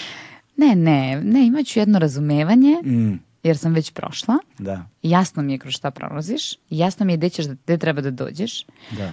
Ovaj, Slavko Belesen ima super fazon. Mislim, ne fazon, nego tu mantru, kako da kažem, ili tumačenje. Da kao, ja sam rekla, hoću da snimam film. I sad ja nešto njih ove, anketiram, nekoliko njih, šta misle da ovu ulogu igra ovaj, kako im zvuči ona priča, nešto tako, znaš. I, ove, i na kraju, naravno, malo se pospem ipak pepelom, ove, ako neko drugi je pomislio da sam se, ne znam koliko, ovaj, vozdigla, razumeš, iznad svega. Ja kao, naravno, mislim, to ja tripujem ću snimam film, mislim, ko zna da će to uopšte da bude i šta i kako. Kaže mi Slavko, Enče, pa što misliš da, da nećeš? Mislim, veruj mi hoćeš. Ja kažem, pa dobro, ljubavi, ti sad mene voliš, pa navijaš za mene, mislim i to, ali on kaže, ma ne, ne, ne, ne kažem ti to zato. Naravno, sve to tako, bodrimo te, tu smo, šta treba i to. Ali zapravo, da te pitam, jel ti je palo na pamet nekada da skačeš u dalje? Kao, št- ja ću možda, znate, da odem na olimpijadu, skočim u dalje. Rekao, naravno da ne. Pa ne, zato što nisi nikada, da to ikada postigneš i zato ti nikad nije ni palo na pamet. Ali ono što ti je palo na pamet ikada, koliko god u ovom trenutku delovalo, wow, nedostižno, nemoguće, ipak ti je palo na pamet i to samim tim znači da je moguće da ostvariš, odnosno da ti se desi A ako ćemo da sklonimo ove vremenske, znaš, mm. ovaj, okvire, koji kao ne postoje zapravo, ti sebi iz budućnosti sa premijere tog filma pričaš Ajde bre, dođi, snimali smo strava film. Znaš, kao Daj, kreni. dođi do bifeja. Dođi do bifeja. Slatko je ovo. znači, te kad ja budem bila u bifeu, moći ću da idem tamo. Ima smisla. Da, da, da. Da. Kada bilo da je bilo tvoj bife. Tako je. Da. Pa dobro, razumem se u kafane, ne mogu da kažem da nemam iskustva i znanja. ovaj, e, pa baš, uh, baš zato sad stižemo do tvoje monodrame. Ovaj, koliko monodrama ima veze sa tim osjećanjem? E, pa ima puno veze, jer ja sam, e, završili smo Andriju i Anđelku, štikl se desio, e, i po regionu i onako svud. I onda je to izgledalo, gledano sa strane, ova šuri. Znači ova m, se ne gasi, ona je samo na setovima, ona ne zna šta će s parama, razumeš, to je ono, bože sačuvaj. A zapravo ja u istom tom trenutku sedim i ne radim ništa. Razumeš, znači nema posla ponovo, ok, nešto se zaradilo, ali kako ti kažem, to se troši kad nema dalje posla. Nemamo mi, nažalost, takve honorare da sad možeš da sediš 3-4 godine i kao smišaš šta ti je sledeći pametan i dobar potez. I ovaj, Štaviš kožuku. Tako. I uglavnom e, ja sedim i kao šta je sledeće, šta ćemo sada. I opet se osjećam, mislim, ok, bez obzira na, taj, na, na tu kao sad mainstream prihvaćenost i postojanje, e, šta ćemo dalje? Jer ja se opet osjećam beskorisno. Da, da. E, međutim, sada e, sam mogla zapravo da spojim ovu što nije igrala u pozorištu sa ovom koja ima široku televizijsku publiku i da kažem, pa dobro, ne mogu sad sebi da snimim novu seriju, jer kao nemam baš toliko love, realno, niti mogu tek to lako da organizujem, ali možda jednu predstavu mogu. I nisam ja odmah bila zato da je to monodrama, razmišljala sam šta i kako, konsultovala se i došla na ideju da to može biti monodrama iz ove želje stand-up, bla, bla, bla od ranije, to mi je uvek nekako tu stajalo. I, ovaj, I odlučim da zapravo tu publiku koja me zna sa TV ekrana krenem da posećujem lično. Da. Razumeš? I, ove, I onda stanem i kao, ok, nemam pojma kako se to radi, nesigurna sam level 1000, jer nisam skoro uopšte radila u pozorištu, a sad kao ću radim monodramu, a hoću da to bude smešno. Um, ne znam od- odakle se kreće, znaš šta je prvi korak. Ok, shvatam, treba mi dobar tekst, znam Nebojšu, gde ćeš bolje, e, shvatim da nije dobro da to radim sama, jer onda, znaš, kad kreneš ti da pregovaraš s ljudima i o parama, i o uslovima, i ovom i onom, tu nema... Da, da, ne ide to tako. Ne, nije dobro. Moraš da se distanciraš tako od je, toga, da. Tako je, i ja odlučim da to radim sa nekim. I ja sam u tom momentu imala, sina neke, e, imala sam ponude, a koje sam nekako osjećala da sam ih prevazišla. Znaš, Mhm, jasno. bez obzira na tu nesigurnost i sve to i bila sam iz fazona, e nećemo sada tamo dole opet. Kao odatle smo otišli, znaš, idemo sad dalje. Bili smo dovoljno dugo. Bili smo mi dosta Ostaje, dugo. platili smo ceh. Tako je, hvala momci sve na ponudi, super je sve, ali kao vidimo se ovaj, u nekom drugom životu. E, I tako upoznam e, Ganeta Pecikozu, Mhm, da. e, koji mi je kao familija danas. Ovo je. A stvarno, da. I, ovaj, I onda shvatim da sam se okružila asovima u svojoj šini. Znaš, kao bila sam iz fazona, pošto ja ne znam kako se to radi, Gane u tom momentu radio sa Riljom Čorbom, Bajagom, Bajaga, em, onda radi sa momcima iz državnog posla, e, Mićko Ljubičić, Đuro, Branko Đurić. Znači, to su sve onako, nema što se, pre toga sa Crnom jabukom i još brdo stvari, nije ni važno sada da nabrajem, njegova je stvarno karijera pozamašna i svi su ljudi kvalitetni i ozbiljni carevi u tome što rade. Da. Znači, sve je ono masovnost, a štikl. Znaš, ima svega. I, ove, I kao, ajde s Ganetom ćemo, da Nebojša napiše i krenemo e, u debakl. u smislu, taj proces je toliko trajao. Ja sam, mislim, to pripremala godinu dana. Ljudi inače spreme monodramu za fazom tri nedelje, razumeš, ili mesec dana. Predstava se ono ozbiljna pozorišna sa svim stvarima spremi za dva meseca nekih proba intenzivnih.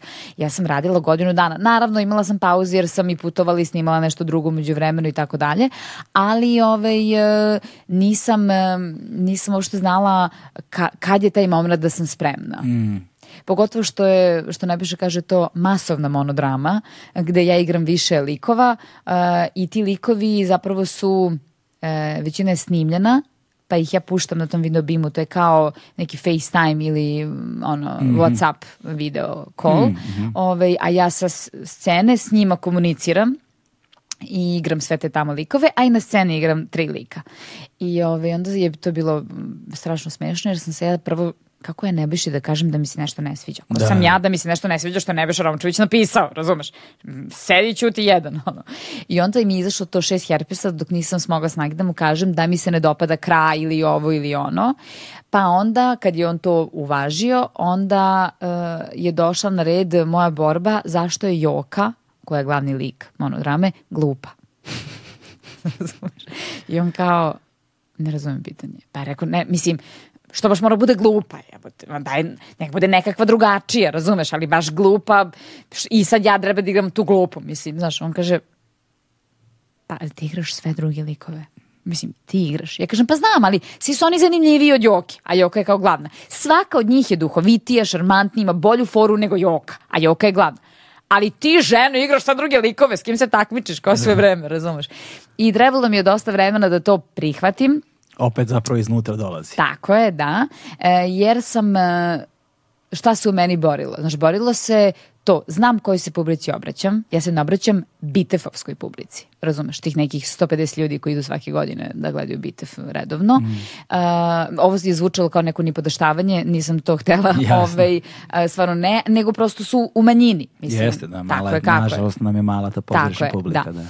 Ove, ovaj, a ova publika kojoj se obraćam je široka. Mm. I ta publika najčešće, uh, ne pričamo o Beogradu sada i Novom Sadu i nekim tim razvijenim ovaj, uh, kulturnim mestima, nego pričamo o nekoj tamo Srbiji ili dijaspori, na primjer Beč, gdje mm. sam bila više puta, igrala više predstava za veče, to jest dve, u nekoliko navrata, to nije pozorišna publika. Mm. Oni idu da gledaju, razumeš, ali uh, to bude nešto gde oni kao ne saznaju puno o pozorištu. Da. U tom smislu. I onda sam ja znala da treba da spojim nekako kao da se obraćam toj publici, mm -hmm.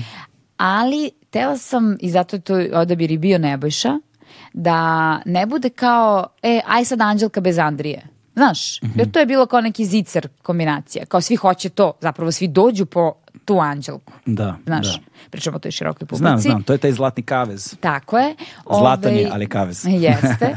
E, svi dođu po tu anđelku, a ja nisam htela da im dam to, nego da im damo pravu pozorišnu predstavu sa svim svojim zakonitostima, datostima mm. i monodrama nije lak format ne za glumca, mada nije ni za glumca, nego za publiku. Znači treba da prvo uh, prihvatiš toliko uslovnosti da jedan čovek igra više likova, da tamo nemamo jedinstvo mesta i prostora u mojoj predstavi, nego sa kraja skačemo na početak, s početka vraćamo na kraj pa u sredinu, pa rrrr, pa odjednom je policijska stanica, hotelska soba, ovo je, ja sam odjednom stand-up, odnosno pripovedač Jasno. koji se obraća publici, komunicira s njima i tako dalje i tako bliže. Tako da bilo je tu dosta ovaj, uh, uslovnosti na koje je trebalo da pristanu i ja sam sebi dala u amanet da ja to doživim kao ozbiljan rad, mm -hmm. bez obzira što se i dalje to smatra pežorativnim, kao tezga, razumeš, kao, a, to su te predstave, vidite da kao mlatite pare i tome slično. Mislim, da, zarađujemo lepo, ali izvini, lepo sam i uložila u to, zajedno Jasne, s da. Ganetom. Da. Ne samo novac, nego vreme, trud, zapravo najbolje što sam umela u tom trenutku. Mm. Baš sam ono pomerala svoju lestvicu u svakom smislu. Najpre mi je Nebojša prvi sam pomerio time što je napisao takav komad, a, ove, a ja sam onda pomerala pa sam htela da to bude konferencije za štampu kao da je to ozbiljno pozorište, u smislu ne. kao da je neka kuća, pa smo imali bilborde, pa smo, znaš ono, trudili smo se da to ne bude kao ma neka predstava što smo sklepali pa ćemo lagano usput, mm. nego da damo svoj maksimum i boga mi da sam tek, a to mi je Đuro koji mi je, nam je pomagao oko režije, ovaj, Branko rekao pred to prvo igranje, ja sam ga pitala kao, ja, da, šta misliš kako će da bude, a da, da ja, ono, panici potpunoj, a on je bio iz fazona, slušaj, ovo je sad, pa, nešto. Aha. Za pet igranja do sedam bit će okej. Okay. Za 20 bit će fenomenalno. Ja kažem, kakvi 20 igranje, si blesav, ko će preživi 20 igranje, meni to bilo ono, mm. razumeš, sledeće godine u ovo vreme, a zapravo smo mi to prošli za meseci i po dana i manje možda i stvarno je tako i bilo. Da. Ove, ovaj, možda ne baš 20, ali recimo desetak, sigurno 15 predstave je trebalo da se ja saživim sa tim što radim, u smislu baš to legitimiteta, da, da ne smatram da je to nešto pežorativno, naprotiv, da sam dala publici temu koja njim, prvo sam ih dovela u pozorište zbog televizije, mm. a onda kad su došli mnogi prvi put, mislim dom kulture, dom vojske, pozorište, što Nije god da, važno, da, da, da taj grad ili mesto imaju, a onda sam ih odjednom ono prestravila time, ja sam sad ove, sam sad me vidiš, sad me ne vidiš i tome slično.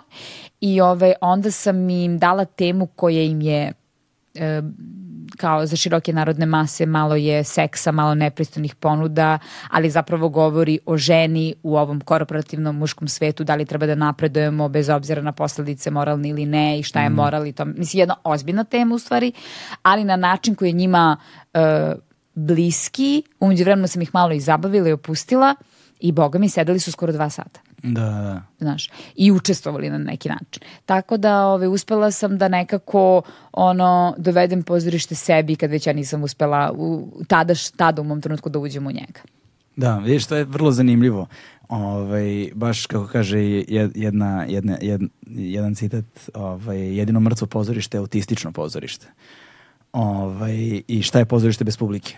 Šta je knjiga bez čitalaca, šta je film bez publike takođe, znaš. I onda postoje trenuci neki u, ovaj, u poslednje vreme, prevaskodno govoreći o popularnoj kulturi, koji prave razliku, koji nekako uspevaju da spoje dobre aspekte mainstreama i dobre aspekte ovaj, ono što je umetnost uh, uopšte i da vrate publiku nazad tamo odakle je pobegla. Mm -hmm. I čini mi se da se to dešava i sa pozorištem i sa filmom. Sa filmom je baš evidentno da se dešava, da se ljudi vraćaju u bioskope. Mm -hmm. Ljudi se vraćaju u bioskope. Mi smo ponovo počeli da dobijamo bioskopsku publiku što je neverovatno, posebno u vreme kada su streamovi sve jači mm -hmm. kada je ono gledanje online postalo imperativ, jel te? Mi, nama se vraća, a, da, ali, da, a da nisu samo blockbusteri, da nisu samo ono Avengersi. Znaš. Da, ali moram da kažem i da onda pohvalimo sad ovaj mainstream u tom da, da. Uh, slučaju,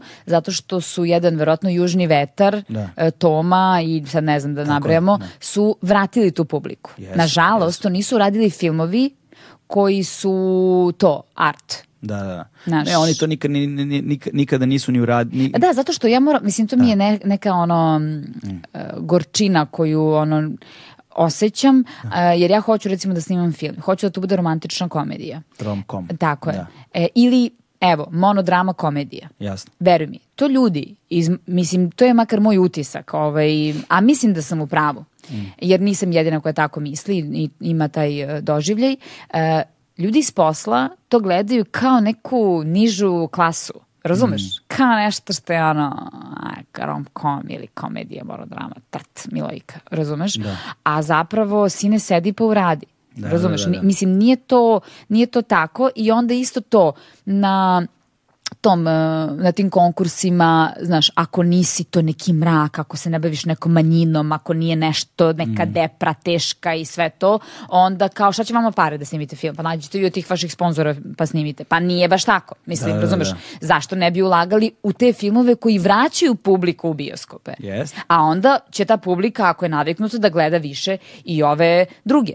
Da. Znaš, ima, ima, tu, ovaj, ima tu dosta jakih argumenta. Prosto nekako da, čuo sam negde neku izjavu da recimo Matt Damon recimo rekao u jednom trenutku zašto Hollywood sada i generalno te velike produkcije ne izbacuju više toliko ono, kvalitetnijih filmova, nego idu na ove sigurice, blockbuster sigurice mahom. I videli smo da se ta promena ne generalno desila, šta god da se pojavi u posljednje vreme čoveče, ono, 17. deo nečega, sve je manje filmova koji zavređuju ono ozbiljniju, da kažemo, ovaj, bioskopsku publiku. Onda, a, mislim da je on to rekao, kaže, zato što je DVD umro. Znaš, zato što ne, ne ide više na DVD distribuciju, ne mogu zarade pare od toga. Znaš, sada ćemo vidjeti koliko će streamovi, streaming platformi, servisi moći da nadomeste ono što je nekad bio nosač, fizički nosač, kao što je to bilo i sa muzikom. Muzika se i dalje nije oporavila od tog udarca digitalnog tržišta, ovaj peer-to-peer programa, downloadovanja, piraterije, šerovanja i tako dalje. Stream streamovi vraćaju negde taj balans, još uvek ga nisu oporavili, mislim da se slična stvar dešava i sa filmom. Ovaj, I da nam je stvarno neophodno da imamo, to je ta vertikala koju govorim, ta mainstream, znači mainstream upumpava novac u to tržište kojim onda mi raspolažemo. Na bilo koji način, koji Tako god je. hoćeš, znaš. I negde je važno za kreiranje nekakvih navika. Zato mi je strava i ova ekipa Raša Andrić i ekipa koji su radili e, Leto. leto kada sam naučila da letim. Znaš, ono, neko je najzad uradio film za taj uzrast. Mhm. Kao ljudi, ono, znaš, ne, tre- treba nam to. Znaš, treba nam ne jedan, treba nam 50 takvih. Tako je. Treba nam, uh, uh, znaš, i potrebno je nekad i da izađemo iz mraka takođe. Znaš, ja često kada čitam reviewove filmova sa ovih prostora, to je ono, evo ga još jedan hrvatski, bosanski, srpski, ono, Da, da, mrak, nizu, naš, jeste, mrak, da, da, naš, da. treba nam nešto novo. Ovaj, jel da to sad vodi na ovu temu kao da imaš premijeru? E, kad smo kod mraka, da, da, da. ovaj, o, možemo, ali u drugom kontekstu. Da, da, da, da, da. Ovaj, MTS dvorana će ugasiti svoja svetla u sali, e, ali će zato ovaj, pustiti film, ali lepo ovaj svet. Da, ali lepo ovo je sve, da. E, pa znaš šta, to je, ima veze sad sve, sve ovo zajedno što smo pričali, kao kad su mi rekli da će se tako verovatno zvati film, ja sam baš bila iz fazona, dobro bre, gde baš do te mere, znaš, kao sve je okej, ali zašto? Međutim, a što da ne? Da, da. A što da ne? Znaš, stalno ono pričali smo pre neki dan kad smo se ovaj, sreli, uh, loši su crtači, loše utiče ovo na decu, loše utiče ono, loše ne znam, pa nije, mislim, nije baš sve tako. Šta sam ja sve gledao kao klinac? Pa da.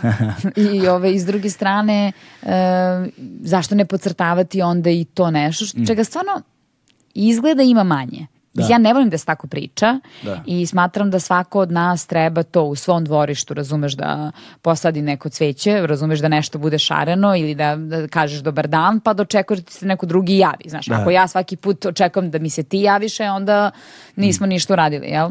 E tako isto i za ovaj film. Ili Mislim da će- knjigovođa. i knjigovođa, da. Mislim da će biti sladak film. Aha. E, zapravo, mislim da je film sladak i mislim da će ga Ko publika glumi sve? Koja je voleti. premisa, Ko glumi, bre, tu, bre? Šta je, bre, Pored to? tebe. A, pa glumi ovaj Kuzmanović, mali, ovaj, s razdvojnim zubima. Andra, e, kakav... I Peković, da. Peković, eh, Andrej Kuzmanović, Andrej Šepetkovski i ja igramo glavne likove filma, a pored su Anica Dobra, eh, Bane Vidaković, Branka Pujić, Tika, Tika Stanić, Miljana Gavrilović, Vladimir Điforović, eh, Stefan Bundalo, Jovan Jovanović, la la la la la la, la, ima ih dosta. Da. Um, sladak je film, ljubavna je priča. Uh, Anđeo, odnosno Nikola Pejaković, ko- koga glumi Ljubiša, uh, ima misiju da spoji nespojivo, to smo uh, Andra i ja, odnosno on igra Batu, uh, neostvarenog reditelja, uh, i, koji nije nikad dobio šansu i ono zarađuje tako što snima neke ono trećerazredne spotove i pozajmljuje od mame. Kad sam to vidi, to mi je bila naj, najpotresnija replika u filmu, da ne kažem fora, kad zove mamu da mu pozajmi hiljadu dinara. Mm, Pritom ima skoro 40 godina. da, da. A ona kaže, pa nemam sin, imam samo 700. A on kaže, ma može. E, uglavnom, uh, Andra svi je... smo bili tu, znaš. Tako je, tako je, been there, done that. Um, a ja igram tu neku uh, ultra popularnu televizijsku voditeljku. Aha. I sad Ljubiša ih spaja i nastaje kuršlus iz koga se tako svašta nešto desi. Međutim, moram da vam kažem unapred ovaj happy end. Iako su svi navijeli da ne bude, A, da, da. ja sam bila iz fazona, nemojte me zajebavate, znači neću da igram ovome ako nije happy end. Da, da, Mora da. bude happy end. To je Šepetkovski pisao, koji inače je glumac i publika ga zna kao glumca, ali ovaj, ozbiljno dobro piše. Da. Da, zato što se bavio temom koja ga se tiče. I mislim to je između ostalog jedan od problema, da sad ti ovo radiš po naručbini, dobro ti si možda drugi tip, pa bi bio studiozan, pa bi se pripremio, pa la la la. Ali kad ono imamo stalno taj mast da mora da bude za juče i da liči na onoga, znaš, to na skandinavce, na ne znam ovu seriju ili onaj film i da ovaj, mora da bude brzo, onda ljudi pišu nešto što ih ne zanima, što ih ne dotiče i onda se oslanjaju na taj zanat, međutim, fali to nešto.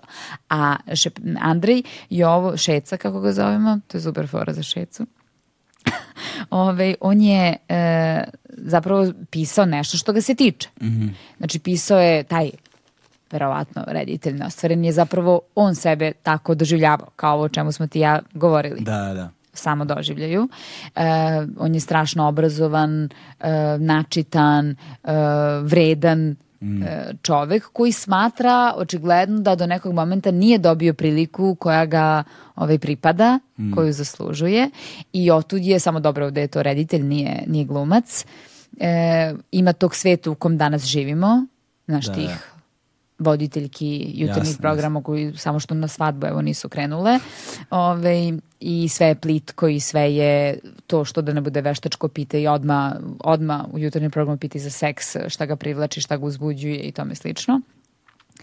I onda je e, u sve to protkao, znači imamo umetnost, imamo ljubav kao motive i pokretače e, i glavne, glavne teme i imamo veru. Da, da, da. Dakle, ok, religija, ali ne, vera, šta ona ovaj, radi čoveku i da li je važna i na koji način i tome slično. I to je sve nešto što je Šepetu privatno e, blisko i važno i ti, to je pisao čovek bez da mu je neko naručio. Da, da. Neka davno seo, napisao i stajalo, stajalo tamo čamilo, čamilo. Došla je dve žene iz Blue Butterfielda, Saška, koju Da. znaš, i Aneta Ivanović, producentkinje, i rekla, ju, šta evo daj da ovo snimamo. I eto, tako smo mi došli. Strava čoveče. To će da bude premijera sad 22. prvog. Da, 22. Ne znam kad ćeš A da, ali ovo ovo da će puštaš. biti posle. Da. Znači, Znači, ovo će znači bila je premijera, mnogo bilo lepo. Bila, bila premijera, čini mi se, prošle nedelje. E, svi kako sam lepo izgledala. I ovacije, ovaj, stojeće ovacije za, da, naše, da, da, da, da. za naše glumci i glumice. Um, da, Koli- Koliko si na kraju igrala tu monodramu? igram još uvek, Igraš zdravlja je Bože. šuraka. Koliko si do sada puta igrala? Uh, pa ne znam, ali mislim da je blizu 300. Eto, vidiš. preko 250. A prvih 20 izgledalo. E, ko kuća. A? Da, da. Da, i ovaj, e sad je sledeći korak stand-up. Misliš? Znam. Ali znaš šta je fora, šta šta je zapravo razlika kod stand-upa? Šta mi se Ja, čini? evo već mi trema krenula. Ne. Pritisak lagani u stomaku. Ovaj, do, dosta sam vremena proveo sa komičarima, ovaj, stand-up komičarima. Našim. Da, da, da, da, da. Do, baš sam dosta vremena proveo, proveo sa njima i ovaj provodio. A, danas, nažalost, mnogo manje zbog porodice, i zbog posla, i zbog svega i to mi je baš jedna od stvari koja mi ono stoji uvek kao na to-do listi, a baš dugo nisam otišao na stand-up. I zovu me non stop i ja non stop kažem hoću i non stop se to ne desi. Ovaj, ali planiram da se vratim malo ovaj, u, u, u, u džir, barem kao publika, naš, jer mnogo volim stand-up zaista. I u jednom trenutku se jesam malkice zasistio, zato što nekako ovi streamovi su doneli toliko stand-up od kojih je ono 90% nešto negledljivo i onda te zatrpaju tim, ti, onda imaš inflaciju onda izgubi vrednost Jeste. Ali veličine su ipak veličine, znači kad god izbace to je, to je, to je događaj. Um, sa stand-upom je problem recimo kod glumaca što pokušavaju da glume da je nešto smešno. Znaš, kao prosto ne možeš da glumiš da je smešno, mora bude smešno. Znam. Znaš, e, a da bi bilo smešno, mora da bude stvarno. Zato moraš ti da si pisala tekst i da je tvoje, znaš. Ali, najveći problem sa stand-upom jeste što, za razliku od mnogih drugih umetnosti, stand-up, mnoge druge umetnosti, kada se završi proces stvaranja, Tek počinje. prezentuje se publici. Aha. Stand-up nastaje pred publikom. A, pa to tek Kad se počinje. završi proces stvaranja, kad dobije svoju fin- finalnu formu, tad ga Dobro. bacaš u đubre. Da, da, idemo dalje. I sad idemo novo. Da, da, da, razumem. I ti si zapravo osuđena osuđena, to je nužni put. Ono što bi Ameri rekli grind.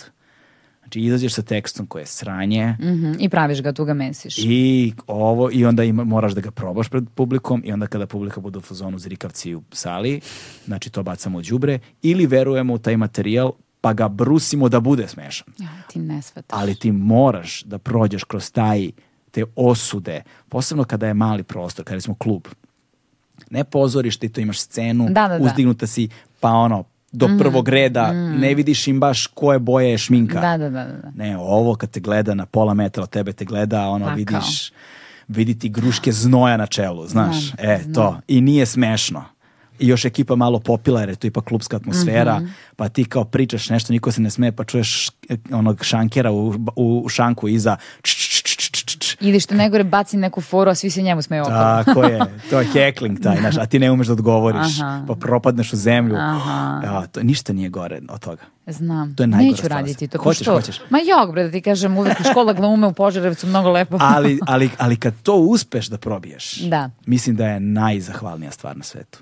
Mislim da ne postoji ništa lepše ono, nego kada se ljudi iskreno smeju tvojoj iskrenosti. Da. Ti zapravo pred njima treba da pričaš ono šta ne smeš pred svojim psihijatrom i Mhm. treba za to za uzvrat da se smeju.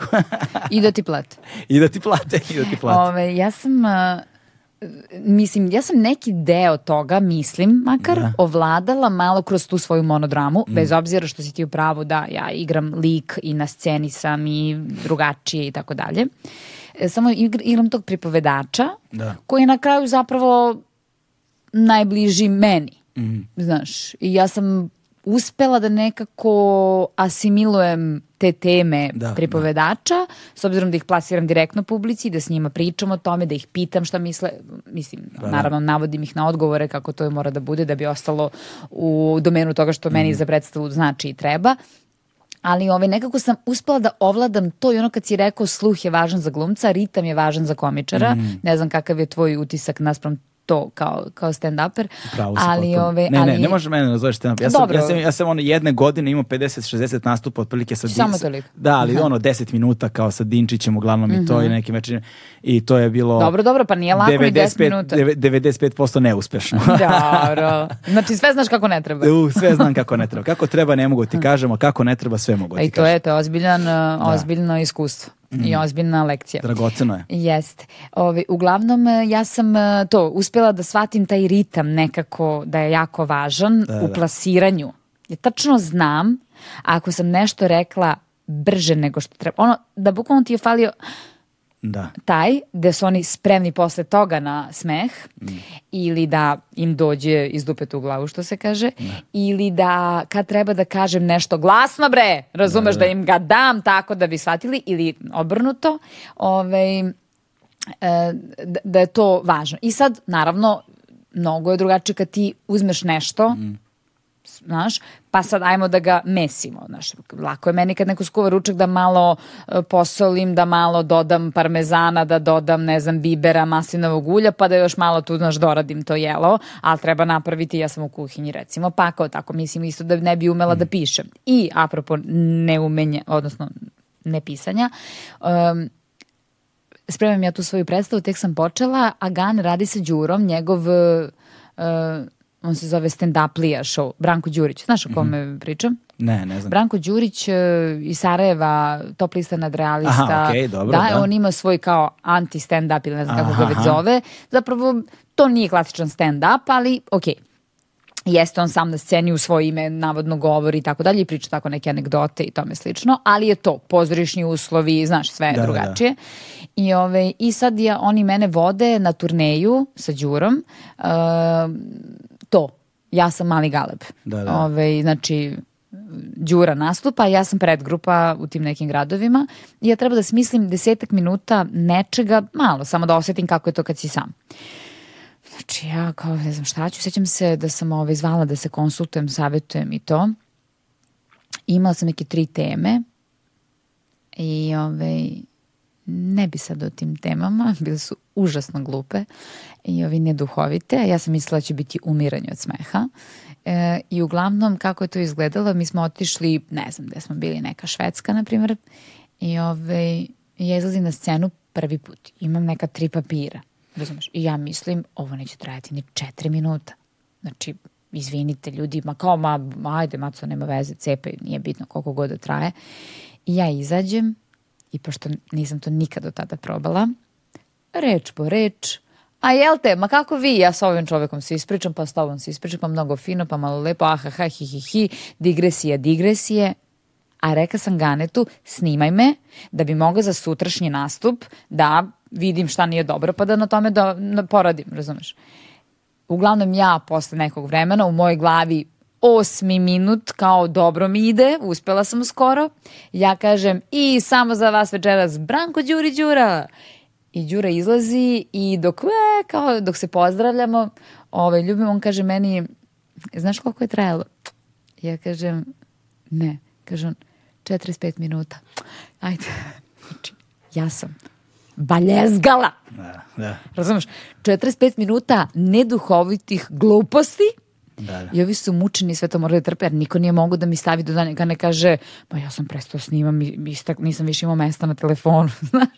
I ovi, tako da to, to mi je baš bilo ono vatreno krštenje teško. Ali to mora tako. Mora, mora. To mora tako i onda to mora tako dugo, dugo, dugo. I to je jedna stvar koju čini mi se da ljudi, da, da publika, pošto sve je dvosmerna ulica na kraju dana. jeste, pa Znaš, da. i nije samo da komičari treba da se razvijaju i da će oni sada kad se oni razviju, publika odjednom da se stvori. I publika se razvija isto tako zajedno sa njima. Mhm. Znaš, i onda recimo kod nas je oduvek, pričali smo to u ovom podcastu više puta, Znaš, ti sad gledaš jednog Louis C.K.-a, na primjer, znaš, ili gledaš Ricky Gervais, ili gledaš Amy Wong, ili gledaš, znaš, kao ono, i sad, znaš, tebi je to sad standard. Ok, jeste. Ali ne možeš ti da očekuješ da ćeš ti da uđeš u bilo koji komedi klub, ono, bilo gde i da ćeš to da vidiš. Pa ni u Americi. Znaš, pa ni tu Amy Wong kad vidiš. Znaš, jer ona je to razvijala, ne znam, dve godine materijal. I on je godinu i deset mjeseci bio sranje. Razumem. Znaš, da, da. znači ono- Da, da. Znaš šta se ja samo tu uh, pitam, mada do sad je ovo stvar toliko koga briga sa šta je moj problem, ali ja zapravo nisam sigurna da sam spremna Na tu vrstu žrtve. E, pa ne sa žrtve, da, ok, i to, vidiš, nisam o tome razmišljala, ali kao, ok, voljela bi da ovladam, znaš, nečim i, i ovaj, znam kako će mi biti posle, tako da, ono, nemam ništa protiv. Nego, nisam sigurna da ova, ono, malograđanka u meni, znaš, da je spremna da na taj način da teme sve te. Ja nemam problem zato što ću pričati o sebi. Ne. Znaš, tu nemam nikakav problem. Mogu sve da kažem. Baš. Ali imam problem što će se ticati možda tebe, možda njega, razumeš, nekih ljudi koji nisu birali da budu deo uh, moje priče. To je problem komedije, stand-up komedije Da. inače. Svi stand-up komičari imaju tu vrstu problema. Da. Svi imaju. To je, to je, znaš, to je deo teritorije. To je dobar znak da sam na dobrom putu. Da, to je deo, to je deo, ono, to je deo tog posla. To je Da. prosto nužni, nužni aspekt. Ima ljudi koji se oduševe što su uleteli u nečiju foru, ali uglavnom se ne oduševe, Mhm. jer, jer jedini, znaš kako ja to vidim? Um, nekako ja to vidim kao, uh, to je stvarnost koja nije stvarna. Znaš kako bih to rekao? Recimo, uh, Rat i mir roman je istorijski tačan ali ga ne koristiš kao udžbenik iz istorije, nego je istorija iskorišćena kao motivacija za umetničku građu. I to je zapravo umetničko delo, isto je nezavisno bez obzira na istorijske činjenice. Znaš, e isto tako i ovo. Možda su likovi stvarni, možda su događaji stvarni, ali to je zapravo samo nešto što je poslužilo kao motivacija za umetničku građu. Pa dobro, svi znamo šta je kad ono, okupimo se na, ne znam, bilo kom druženju, žurci, rođendanu i kad se prepričavaju teme, Da. moraš da ga malo, jel, zasoliš, umastiš malo, dodaš i ostalo da bi priča imala kraj, jer nema je svaka, tako je. Poenta je da bude smešno, poenta je da bude da, zabavno. da, da, da. Ali jedna stvar je kada si na kućnoj žurci, ako si među cool ekipom, onda si u kuhinji, znaš i kao, znaš, uvek su u kuhinji najbolje. Yes. yes. I onda blejiš u kuhinji i prepričavaš nešto petoro, šestoro, sedmoro, desetoro ljudi. Yes. A druga stvar je kada prodeš karte i dolaze ti stotine i ideš od grada do grada i na kraju se to izabeleži kamerom i staviš na YouTube. I zezneš se da, strašno. Znaš, to je onda i sad kao neko ko je tema svega toga, to treba da sluša i da gleda da bude ovekovečan ili ovekovečana zauvek. Da. Znaš, to je, ali mislim da je ono, ja bih, ja bih platio da te gledam. Mislim na stand-up. Baš da vidim koliko ne valja.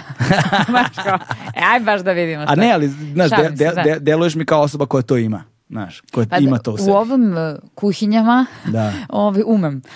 A ne prevodi se isto na, bin, znam, znam, na binu, ali opet imaš i ogromno iskustvo od bin na, na, na sceni imaš... Ma da, želim ja to i uradit ću ga sigurno. Mm. Ovaj, I ako se pitam kao to, znaš, glumice posle 50. Mm -hmm. Može čak i 45 plus, zavisi kako se budemo držali. Da. Ove, e, pitam se kakva nas sudbina čeka. Znaš, ipak nema dovoljno glavnih i velikih uloga za žene.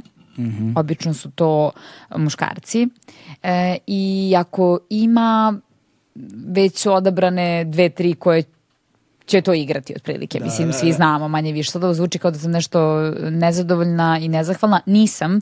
Samo gledam realno. Mm -hmm. Volim da lepo živim, volim da se osjećam dobro, um, ono, da sam uposlena i tako dalje i kapiram da, kao i do sada, manje više sam uvek samo i sebi davala posao. Znaš, da, da. ok, naravno da, da sam dobijala poslove, ali sam morala da odem po njih. Da, da, da. da pokucam na vrata do ovo do ono, pa da tamo neka se otvore, znaš, pa da otvorim svoju firmu, da me niko nije zaposlio, tako da, sećam se, pomenuo si onda u našem razgovoru 92-ka, pa su ostale polovina, dve trećine ljudi, ono, su dobili otkaze. Da, da. Ja sam tada radila na te, televiziji 92.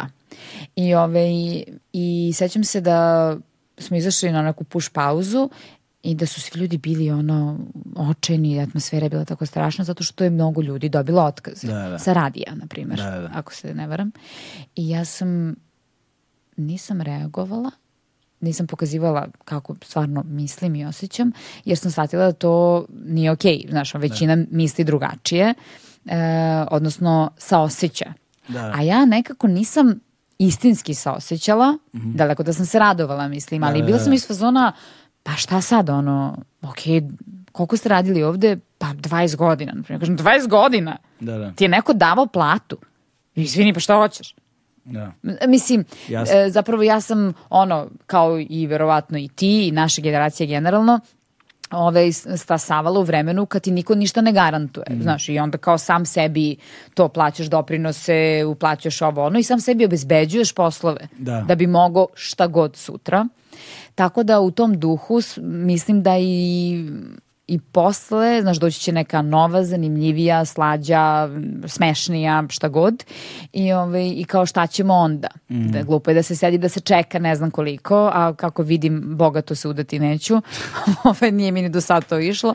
Ovaj, tako da kao morat ćemo nešto da, da, da ipak radimo. Uh, 92 je malo specifična u tom kontekstu zato što je ona ipak bila jedna važna tačka kulturnog identiteta znaš, mm -hmm. celih generacija. I ta ekipa koja je stasala na tom radiju, ono, je, je nosila u, jedan, u sebi jedan slobodarski duh. Znaš, I to je uh, ubijanje 92-ke nije, nije samo ono preduzetnička odluka.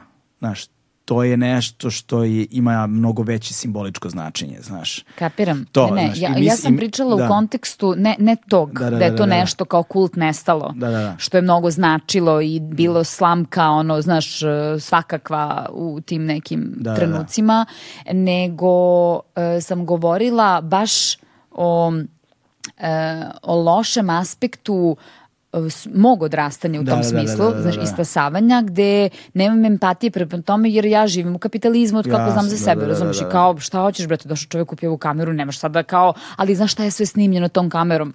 pa što si je prodavao rođače? Da, Znaš, da, da. mislim u tom smislu, sad to zvuči ovako strašno kad kažem nije mi bila namera ovaj, da, no, jasno, jasno, da jasno, to da. Ovaj, ni podaštavam naprotiv, nego prosto baš, baš i tako i govorim kao navikla sam da mm Gotovo. A to, da, mislim, svaka sigurnost je kratkog veka. Mm. Znaš, i negde smo odrastali i navikli se s time i da, postoji jedan, ono, Maš, event, maš, ja mogu da razumem problematičnost aspekta gde kao ono uhlebiš se negde i sad kao narednih 20 godina naš, ne radim ništa. A oni su radili? Ne, oni jesu radili. Da, Mislim da je dvojka radila veliki posao. Jeste, znaš, ne naravno. možemo sad to da, to ne možemo da je oduzmemo. Ove, niti tim ljudima koji su tamo proveli naravno. sve to vreme. Ali razumem šta hoćeš da kažeš u smislu da je nekako uh, kada se navikneš, mislim, u medijskom ekosistemu je to još i problem, mislim, ja, teška je, znaš, komplikovana je tema, čovječe. Jeste, da, jer, da, znaš, odakle okej- jer, da- okej- jer okej, kao o- odeš, o, daju ti, ne znam, otkaz na 92, ali gde ćeš? Da, da, razumem. Znaš, gde ćeš? Znaš, gde je to mesto broj 2, plan B, gde ćeš iole imati, znaš, Znam, ali evo gde si ti otišao. Kapiraš? Da, Nekako da. ipak... e, Mislim, daleko od toga, na kraju nisu svi preduzetni duhom. Mm. Jasno, znaš, jasno, i, ne možemo svi da e, Ja da. razumem, recimo, moje kolege, ajde da kažem starije, nije to sad stvar ogromne razlike u godinama, Da. nego navike. Razumeš, oni su stasali tako da su odmah posle faksa, posle akademije, cijela klasa se zaposlila u JDP, u, ne znam, sad Narodnom ili u Somboru, u Subotici, nije ni važno gde, razumeš, i oni su navikli da ih da to tako. Da, i provedu vek tamo, Tako da. je, i nisu oni lenji zato. Oni su prosto naviknuti da će posao doći do njihovog praga, Da, razumeš da. da će oni dobiti, rr. A ja ne vidim zašto bi to iko u ovom svetu očekivao. Mm, da, da. E sad, ovaj, za današnje vreme je gore biti oni, Da, da. na neki način, ovaj, manje praktično, mm, ali s druge strane je greota biti ja. Mislim, odnosno Pa imati ne, ovaj... Ne, ne, ja samo, ne, ja samo, ja samo vidim, ja, ja sam, znaš, ja sam celog života radio za platu, jel Mhm. te? Sad menjao sam medije, uh, uglavnom ne svojim izborom, a, nego kod, eto, znaš, taj ono pozni kapitalizam u, u kojem se mi igramo ono catching up jer nismo zapravo ono zemlja ekonomskog centra pa da imamo ogromno, trž, ogromno tržište i ogroman kapital kojim raspolažemo tako da je taj kapitalizam naš vrlo upitan. Ali ovaj ali ali sudbina je takva da preduzetnički gledano svi ti ve- veliki projekti nazovimo ih po znacima navoda veliki imaju vrlo rok trajanja. Sve to 4-5 godina i gasi se. 4-5 godina i gasi se. 4-5 godina i gasi to otprilike bi, ono, ne, ne kažem da je to, to je recimo neki, aj kažem, prosek. Manje od toga, više od toga, ali tu negde, tu negde. I, ovaj, i, kad, i čak i kad ne izgleda će tako da bude, nešto se desi i gasi se. Znaš, vrlo je teško biti dugoročan i stabilan ovde, a da budeš ono tržišno relevantan i da budeš i da držiš određeni nivo sve posebno recimo kad govorimo o redakcijama vesti jer redakcije vesti ne bi trebalo da su profitabilne uopšte. To bi trebalo da kuća stoji da upumpava novac u vesti jer je to javni interes. Tako da drugačije to malo funkcioniše. Ovom trenutku kad su vesti počela da se prodaju počela su da propadaju. Znaš zato što onda kreće tržišno a ne od- u kontekstu javnog interesa Da. tako da tako da je tu Pa dobro, nekako je važno onda, čini mi se, e, ja sam krenula ovu priču da bi, kao iz šale, da bi rekla da eto mi ga ono plan za 50 plus, da, da, da, pa da, da, bit a, ću to, da, da. komičar, kada, kada, ali kad ne bude bilo ovog posla. Em, ali zapravo je samo nekako fora da e, imaš dovoljno snage, elana Mm, jeste. e, i da si motivisan, čime god. Da, da, da. Znaš, da, e. nebitno šta te motiviše. Da li to neka kuće, neki razgovor ili ovaj, prilika i to tako je, dalje. to, I to jeste bio moj najveći grč. Na poslednjem poslu na kojem sam bio sam dao otkaz. Ovaj, I da nije bilo moje žene, ja, ga, ja bih možda i dalje bio na tom poslu. Znaš, ona, mi je, ona me je podržala i rekla, ma ljubavi, nisi srećan, daj otkaz, preživećemo. Mislim, jebimo mater, preživećemo. Znaš, šta god da se desi, znaš, za leba ćemo da imamo, ono, za dete i za krov nad glavom ćemo nekako se snađemo, znaš. I, ovaj, I tako smo živeli. Znači, i ja sam se tad tek, kad mi je ona rekla, kad me ona podržala posle, ne znam, meseci, ono, nespavanja, onda mi je, ovaj, onda sam se usudio i kao dao otkaz, a da nisam imao plan B, da nisam znao šta me čeka. I kada nemaš to, tako se grčevito da to je držiš. hrabro za muškarce. Znaš. Pošto obično pričamo da žene treba da budu hrabre i to Da, da. i ne sad, mislim i treba naravno i podržavam, ali hrabro za muškarca da kao i ono, ono je veliki car. Da, da, da, da, da. Stvarno. Mislim, sad ovo ne pričam samo zbog vas, Da, da, da. Le, vaša priča je lepa, nego zbog generalno nekog Mm. ko sad sluša i to. Da, to ono kad kažu e, zašto neki, znaš, kao razmisli gde si, možda ćeš tu biti do kraja života. Da, do da. kraja života nemam ništa protiv, ćeš biti neki čat, nebitno, samo možda neki ljudi vole, to ne vole Jasno, odgovornost, mara i da razmišljaju, ne zanima i da nešto menjaju i tako dalje, hoće da budu uniformi isto i da lupaju pečate, ono, zauvek. Ali, Sto ovaj, ljudi, sto čudi. tako je. Ali ne moraš da vičeš. moraš da vičeš i na kraju imala sam, ovaj, tražila sam, tražila sam samo i sebi, mislim sam ono razmišljala kao šta bi bila odjeva, ja volim uniformisanost nekad, znaš, Da. da je nešto isto, da imaš neku svoju foru, kao, znaš, kao što je Minimax ima ono, vi sanjajte koji, a ja ću se već nekako snaći, znaš, ono, te fore kao uvek iste. Da, čoveče. Ka- kako si se toga setila? Znači, sto puta da si me pitao, sto života da sam živeo, ne, bi se setio, je. Zato A ja ti ću se već nekako snaći. da, ja sam smislila, odnosno iskoristila ovaj, kao što postoji sto ljudi, sto ljudi, želim vam ono, vidimo se sutra, a vi do tada budite živi, zdravi i uzbrdo brzi. Laku noć. To mi je bila odjeva svaki put, razumeš, na svakoj epizodi. I, ovaj, I onda su mi posle objasnili, a znaš što se kaže uzbrdo brz? ja kao pa ono, si energičan, da si zdrav, kao pravi to, kao ma ne, nego to je ono da kad si ono švaler kod ženske, pa najđe njen muž, da ti uz brdo možeš brzo da kao šmugneš. To je fora. Da, da, da, da, nisam sam znao. Nisam ni ja znala. Nisam znao. Ali dobro, rekao, ajde što treba, ove, ako ljude čini srećnim i to je okej. Da, eto vidiš, da, to je, tako da, a, kad, kad sam se našao u okolnosti toj i sad kao treba da se snađeš i snađeš se. Mhm. Poenta je da se zapravo snađeš. Ali da bi se snašao, moraš da imaš taj trenutak rizika. pa moraš da. imaš taj ono, kao, kao, kao u Indiana Jonesu, jel to beše posljednji krstaški pohod ili tako nešto, pa kad ima onaj leap of faith, kada zakorači na nevidljivi most, a ona provalija je i ti moraš da veruješ da je most tu, iako je nevidljiv. Majko moja. E, i Da, kao da, da. taj Jest. prvi korak. Jeste. A zato je osjećanje, izvini, kad se posle Uf. tog pređenog mosta Da. okreneš i kažeš, znaš, ono, gde sam, šta sam, r, r, vidi, koliko god to za univerzum i čovečanstvo bilo nebitno. Da, da, da. A tebi je ko kuća, naravno.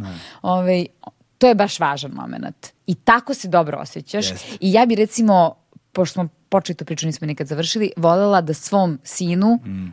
ovaj, to nekako doz, ne dozvolim, nego da mu to omogućim. Tako da mu, bez obzira na neki moj pređeni put, Mhm. znaš, ne skrati mogućnost da ga on sam pređe. Tako je, tako je, to je mnogo važno. Ja tako isto razmišljam za čerku svoju, ono, sve što želim jeste da je opremim alatom da može sama da se snađe. I da ume u određenim okolnostima da razaznaje dobro od lošeg, što ja često nisam umeo. Znaš, to je mnogo važno. I da imaš tu emocionalnu stabilnost, podršku, znaš, da imaš te, ne, sve te alate koji su ti neophodne da on se ne krećeš sama kroz život, ali moraš sama kroz život. To je naš. I sad jeste, e, to, mi smo, to, to smo isto dotakli kad smo se vidjeli, a, to- to mi je strašno zanimljiva tema, ovaj, kao, ka, kao u trenutku kad si probila tako, jel te, u, u svet, ono, mainstreama, jel te, sad si, ono, opšte dobro, jel te, ne. sad si, ono, ko 988, Evo, baš mi uzimaju ovaj, onaj, kako se kaže, od, ja sam kažem- kalup. Kalup, ajde. Da, da, da. Da kažem Otisak. nešto, a otisak, ajde. Ovaj, za, bistu. A, za bistu. to, to, to, to. E, ovaj, U prednoj veličini jer nije skup. ne treba puno materijala. e, baš to. Um, a, a, ka, nekako i sa društvenim mrežama se izbrisala ta granica ovaj, profesionalnog i privatnog. I publika traži to privatno sada kao sastavni deo tvog profesionalnog. Znaš, koliko ti je, kako to vidiš? Kako s- sad ono, odnos prema, ne znam, sinu, znaš, kao majka, sin, znaš, i kao javnost i ti kao javna ličnost i kao njegovo prisustvo u javnosti i ne prisustvo, kako to vidiš sve, znaš, kako, kako se odnosiš prema tim stvarima. Ja, na primjer, imam strašan strah od toga. Da. Zato ti, tvoja čerka je mlađa od Jeste, da, sina, je mlađa, da. pa si ti bio dosta iskusniji sa društvenim mrežama u momentu kad si dobio dete, nego ja kad sam dobila jakšu. Da, da, da. Znači, during the war, znaš, ovo zvuči kao da ću sad u drugom svetskom ratu. Pobežao. Ja, nije pobegao, nego je pao, mučenić, izvinite. si. Dođi. Mhm. Izvini, molim te. Ove, ja sam em, to manje iskusna bila s društvenim mrežama, znaš. I mlađa se. I jel? mlađa sam bila, da. I onda je nama, meni Instagram služio da sl- na slike stavljam e, crno-belo, pa žuto malo, pa ne znam, uši, pa nos. Znaš, te fore, kao da nisam, ono, tome je služio Instagram, ne mi u tom momentu, nikako. Kao što je sad- Twitter u početku bio, e, idem u bioskop, hoće neko sa mnom. Jel da? Ne to znam, je bio nemam Twitter u početku. To, to je bio Twitter u početku, znaš, kao, zamisli sad to, mislim. Šta bi uradili tom mučenom čoveku ili Oh, ženi, da. da. Uglavnom, em, i onda sam nekako nesmotreno, moram da priznam, bez razmišljanja uopšte o posledicama i kuda to može da ode, e, napravila da mi je dete sada u javnom prostoru, tako da kad nas neko fotografiše na nekoj premijeri, dečije predstavi ili gde god da odemo, ove, ili skinu sliku sa mog Instagram profila, ne moraju da mu bluruju lice, jer bože, ja komuniciram sa svojim detetom javno, znaš, pa onda mogu i oni. Ne znam da li mogu. Mislim Pa da bez dobro, obzira e, ne bi trebalo da mogu. da, verovatno. Mora- mo- moraš da tražiš saglasnost roditelja. Čini mi se da po zakonu E, a moraš. sad ja da. sam tek tad bila iz fazona, dobro čekaj, šta sad ja njima tražim da bluruju mu lica i ja ga stavljam sama na Instagram od kako je bio beba. Pa bez obzira, tvoj Instagram je tvoja privatna stvar. Dobro, da, ali U nije. očima moj zakona. Insta- da, u očima zakona, ali u realnosti, ako pričamo, ja sam, ono, otvoren mi je profil i zato i stavljam jer želim da komuniciram sa masama. Jasno, jasno, da. Iskreno. Najpre je bilo, e, ponosna Keva, vidi imam najlepše dete na svetu i najpametnije, mislim i dalje to mislim, kao i svaka majka, naravno, odnosno roditelj. A sada je to malo drugačije. Meni zada- sada zaista Instagram služi za posao. Da, da, da. Iako ja i komuniciram privatan sadržaj, on je iz one oblasti anđelka za javnost. Da, da, da, da. Nije on baš totalno krajnje... e, on jeste, kako kažem, nije lažan. Nisam ja to lažna anđelka, znaš. Ali je ipak ipak promišljena koja ta će da komunicira sa javnošću, e, sa, sa to, pratiocima, tako da ne mora da se puši, ne mora da se, ne znam, e, konzumiraju e, alkohol ili ako ga ima, to ne treba da, da bude, znaš, kao da ne bude spočitavanje nekih loših poruka Jasno, jasno. i svega ostalog. Um, I isto tako onda i Jakša, odnosno moj sin um, dolazi u tom paketu gde nekako uglavnom te vrednosti koje se vide na tim Mm. uh, snimcima, fotkama su glorifikacija roditeljstva, razumeš, Jasno, da. dece. Nema tu nečeg što je da. što je ovaj nekako čini mi se ružno i loše po dete, iako a general je sve to loše po sve nas, a najviše po njih, Da, koji da. nisu sami birali da budu deo toga. Znaš, on Jasno. mi spravo može sutra da ono, se probudi s 18 godina, 25 i da kaže što si mi to radila, ja nisam na to pristao. Da, da. Znaš, da, e sad ja stvarno nekako verujem tom svom o, o sudu i osjećaju da, da imam nekakvu unutrašnju meru Da, da, da. Ovaj, sad koliko sam u pravu ne znam, pokazat će vreme, ali ja sam tip koji um, mislim prilagodljiva sam i smatram to svojom vrlinom. Znaš, mislim da moraš se prilagodiš eh, trenutku i vremenu u kom živiš. Jest. I- e, Ja sam makar od takvog materijala, Mm. e, znaš, napravljena i ovaj, nisam od onih koje će svi desno, ja ću jedina levo i tome slično. E, ne znam zašto je to tako, da li je to nedostatak hrabrosti ili ovaj, to sigurnosti u sebi, ne znam ja, ne, ili vjerojatno sve zajedno, ali ovaj, tako je, ja nekako e, idem kroz to, svesna sam da mi je to još jedno od sredstava za rad, to ti je kao neki portfolio danas, Da. i ove, ja mogu da se iznerviram kad mi stigne neko pitanje ili me pita neko ovako u emisiji ili nije ni bitno, znaš ono neko glupo ili nepotrebno pitanje vrlo često i bezobrazno, znaš i ružno je zadiranju intimu direkt e, i tome slično, Tab- bez obzira tabloidno, nazovimo ga tabloidno, da, da. bez obzira šta smo se dogovorili na početku Mm, Uš, to je najgore. da, ali, ovaj, ali ja, to je opet ono prilagođenje. Znaš, znaš gde si i ono, ako s decom ležeš, popišan se budiš, jel? Ako si već došao tu negde kod tog čoveka, možda očekuješ takav klizan teren i isto tako možda kažeš doviđenja, prijetno se okreneš da odeš ili da probaš da nekako iz te situacije izađeš kao neki pobednik, uglavnom To teže. je to teže, da, ovaj, jer nekako se kontaminiraš i ti Pa sistem je, sam da. prisustvom, Da, si- znaš. sistem je tamo napravljen tako, znaš, on postavi ti pitanje i sad ti šta god da uradiš, pitanje je postavljeno. Da, da, da, Znaš, ako da, ti da. odreaguješ kao sram te bilo, onda će to da iseku kao Jeste. segment i onda će to svi da, da, klikću. Da, bahato, ovako, onako, bla, bla, jeste. A s druge strane, znaš, mogli smo nekada da kao, ja sad pomislim, čekaj bre, pa koliko je Milan Dravić imala brakova iza sebe. Znaš, što, što to nikad nije bila tema? Hvala Bogu da nije bila tema, zato što su znali šta su teme koje su za javnost, ne za javnost, nego zaista, mislim, zašto bi se neko bavio ovim drugim temama? Ne, Nema nikakvu poentu. Da je, ima, da je bila poenta u nečemu toga, ona bi je vjerojatno negde i plasirala već. Da, da. Ali su imali tu moment da se zaštite, danas toga nema.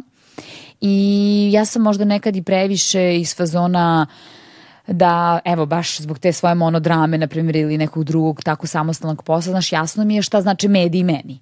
Znaš, Da, da. trebaju mi. Da, da, da. Ipak treba da dođe sutra 20 novinara pa da pišu o toj moje predstavi, da sutra Mm. neko može da pročita da je bila, da očekuju u svom gradu, da ćemo biti tamo, da ćemo biti vamo. Mm. Znači kad meni oni su potrebni, onda su fajn. A onda kad sutra trebam njima, kao, e sad vi ste ono dvojka, druga klasa, znaš. Mm.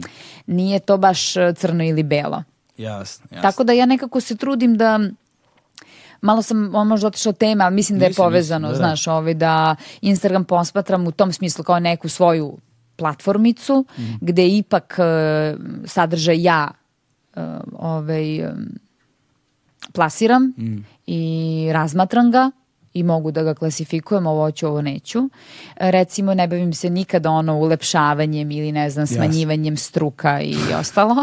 Ove, Da, postoji taj deo, ja sam to potpuno zaboravio. da, postoji, da, da, ali u tom smislu kao znam da sam ne samo na taj način vizualno, nego i generalno autentična sam na Mm. tom Instagramu. I ove, a moram ti priznam da čak, eh, znaš, kad nas nekad mrzim da nešto radimo, pa se nateramo zbog nekoga ili nečega. Eto, nekad zbog Instagrama. Da. Znaš, se nateraš da nešto snimiš, kako kuvaš, kako ne znam ovo, kako ne znam ono. I x puta mi se desilo da zato što moram nešto da snimim za Instagram, jer sam dogovorila neki posao i tako dalje. I sada, pošto snimam to sama, a ove, ja nisam oko vešta kao ti i uložila u opremu, ja onda kao da vidim gde će to da se vidi, šta će da se vidi iza, kako ovo, ono, onda krenem da sređujem. I zato što sam zbog tog snimka krenula da sređujem, ja na kraju sredim sve što nisam planirala i nađem nešto i to me ono asocira da pozovem tebe da ti ispri... razumeš? Da, da. I nekako se to onda izađe nešto dobro iz toga.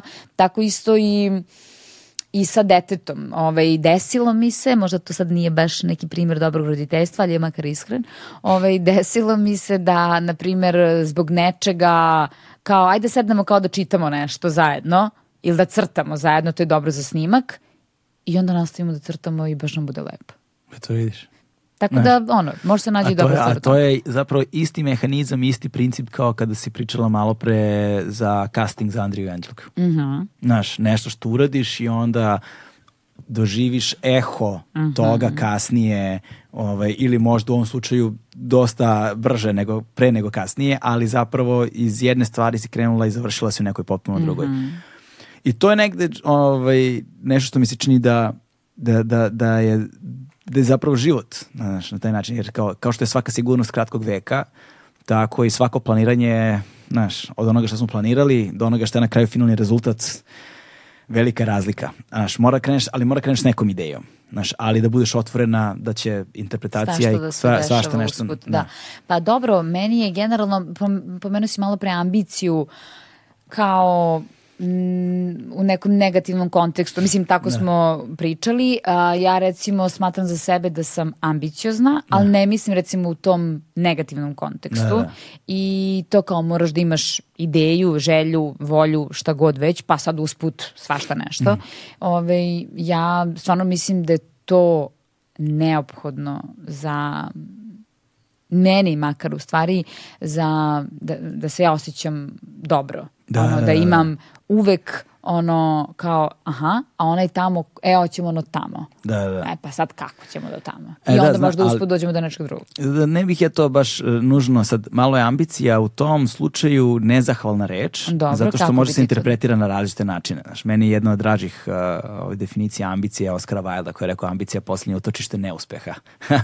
Znaš, Dobro. Ali onda se postavlja pitanje šta je neuspeh. Znaš, šta je uspeh. I ako ideš na taj put, šta je razlog zašto ideš na taj put. Znaš, kao, jer nekako to ono, kad krenemo na put, važan nam je cilj, kad stignemo na cilj, shvatimo da nam je bio važan put. Aha. Znaš, i za mene je uvek to kretanje ne u kontekstu, ne, ne, ne, ne, ne, možda zbog ambicije, mada ono može da izgleda kao ambicija, već potreba za kretanjem. Potreba za ono kao ajkula, znaš, ajkula, a kad prestane se kreće, umire. Znaš, i na more, i ona kad spava, kreće se, znaš. A kako bi onda to nazvali rečiju? Pa, a, ne da znam bi kako... mogli? pa Ili ne- nekom sintagmom koja nije potreba za kretanjem, baš onako Znaš, nekako da, ne da. zvuči motivišuće. Pa da, znaš, ne, znaš, nekako ne znam, ne znam, zato, zato i kažem da je problematično. Aha. Znači, šta je za tebe ambicija, šta je za mene ambicija, šta je za njega ambicija, možda su tri različite vrste ambicije. Da, da. Znaš, ovaj, ili šta se kolokvijalno doživljava kao ambicija, šta znači ambicija danas u javnom prostoru kao reč.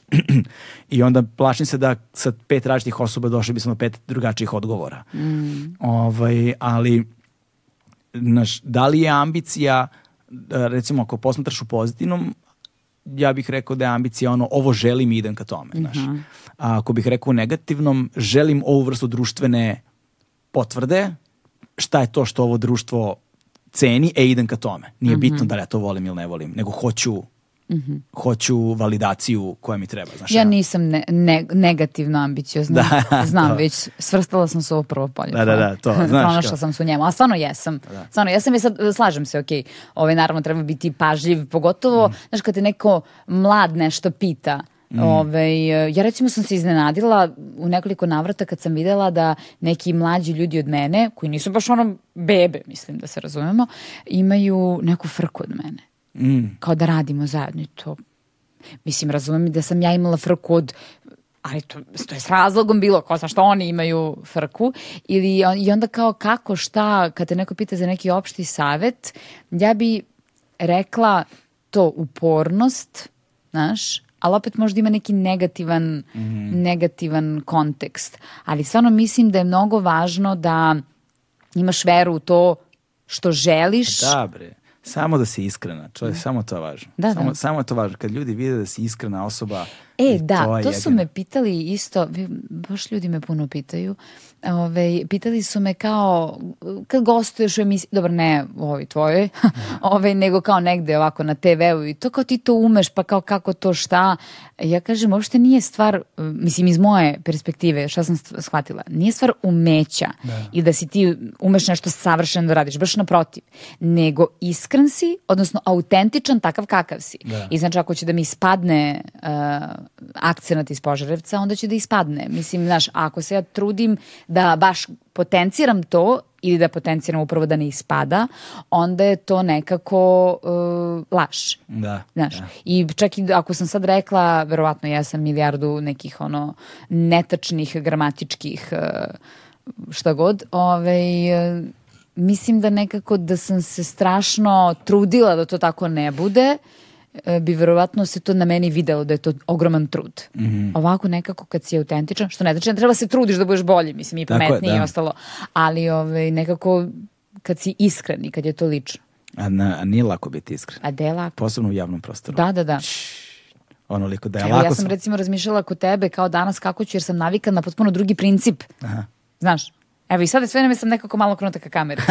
Shvatam to sve vreme, pokušavam i na kraju uvek završim ovako. Da, da, da. Ovaj, ali, znaš, navikneš na jedan princip Jeste? i onda je teško da sad od njega totalno odustaneš i skloniš sve ovo vam. Jeste. A na kraju dana nisu ti principi nužno loši. Znaš, pokažu se sad, sad, sad, sad je nezahvalno objašnjavati zašto je važno biti okrenut prema kameri. Znaš, ili ako držiš mikrofon u jednoj ruci, a sagovornik ti je Da, s druge da. strane, ne ideš rukom preko svog tela da se, da se zakl, da zaklanjaš. Bravo, bravo, nego, kolega. nego, znaš, kao u ovu ruku, pa, znaš, ti sve Je. vreme gledaš da si otvorena prema kameri. I to je ono što je najbizarnije. To sam provalio, recimo, gde se ja divim fotomodelima, manekinkama, manekenima i to, gde im se ja divim. Kako poziraju za fotografisanje. Užas. Jesmo to pominjali prošli put, Beše? Moguće, da. Kako poziraju za fotografisanje. Znači, Strašno. promene 100 poza u 20 sekundi, svaka, svaka je savršena, Znaš, a ono, a, kad, a ja kad sam shvatio koliko treba neprirodno da staneš da bi fotografija izgledala prirodno. Tako je. I da ti Užas. budeš lagodna u tome, jer to se vidi, ono. Ja sam jedino savladala da se smejem. Da, Razumeš? Jer kao, prvo sam se, znaš, što me stalno svi teraju da se smejem, da. I onda kao, pa da, stvarno kad stanem ovo, Šta gola? Androgeno to nešto, znaš to kao Ja te, znam, a. ja kao prvo osjećam se kao idiot, razumeš, i onda naravno tako izgledam i to ispadne bez veze i kao daj da se nasmejem, to znam, razumeš. Da, da, da. I, ove, i to smo, to sam baš shvatila isto da, to ima veze i sa ovim, zato su oni fotomodeli. Jesu. Razumeš? Znaš. Ili zato su voditelji TV lica, TV lica. Da. Znaš, glumac ima potrebu da nešto glumi, da bude kao i na fotkanju, imam potrebu da me staviš u kostim Da. i da mi kažeš koja je situacija, gde smo. I onda sve može. Zašto sam ja ovako obučena, e, šta je emocija, Mm. e, ono, koga čekam, od koga se vraćam, s kim sam, šta si mi ti koji su pored mene. Znaš, nekako kad sve te okolnosti znam, onda, ok, onda možemo nekako se ponašamo. A ovako, kao šta ja sad kao, Da, nešto, da, znaš to, to? znaš, ja, to, ja mislim, I stvarno mislim da ljudi ne cene ono koliko je njima koliko Teško. su oni profi, ne, ne znam da li mi je teško, ali koliko su profesionalci Da, brate, da, u da. tome, znaš, Da, stvarno da. su profesionalci. Yes. Kad ih vidim, kad stanu bam, bam, bam, bam, još kad sam nam nekad davno, od- dok sam bio prinuđen da radim te stvari, sad više ne moram, pa odbijam uglavnom sve,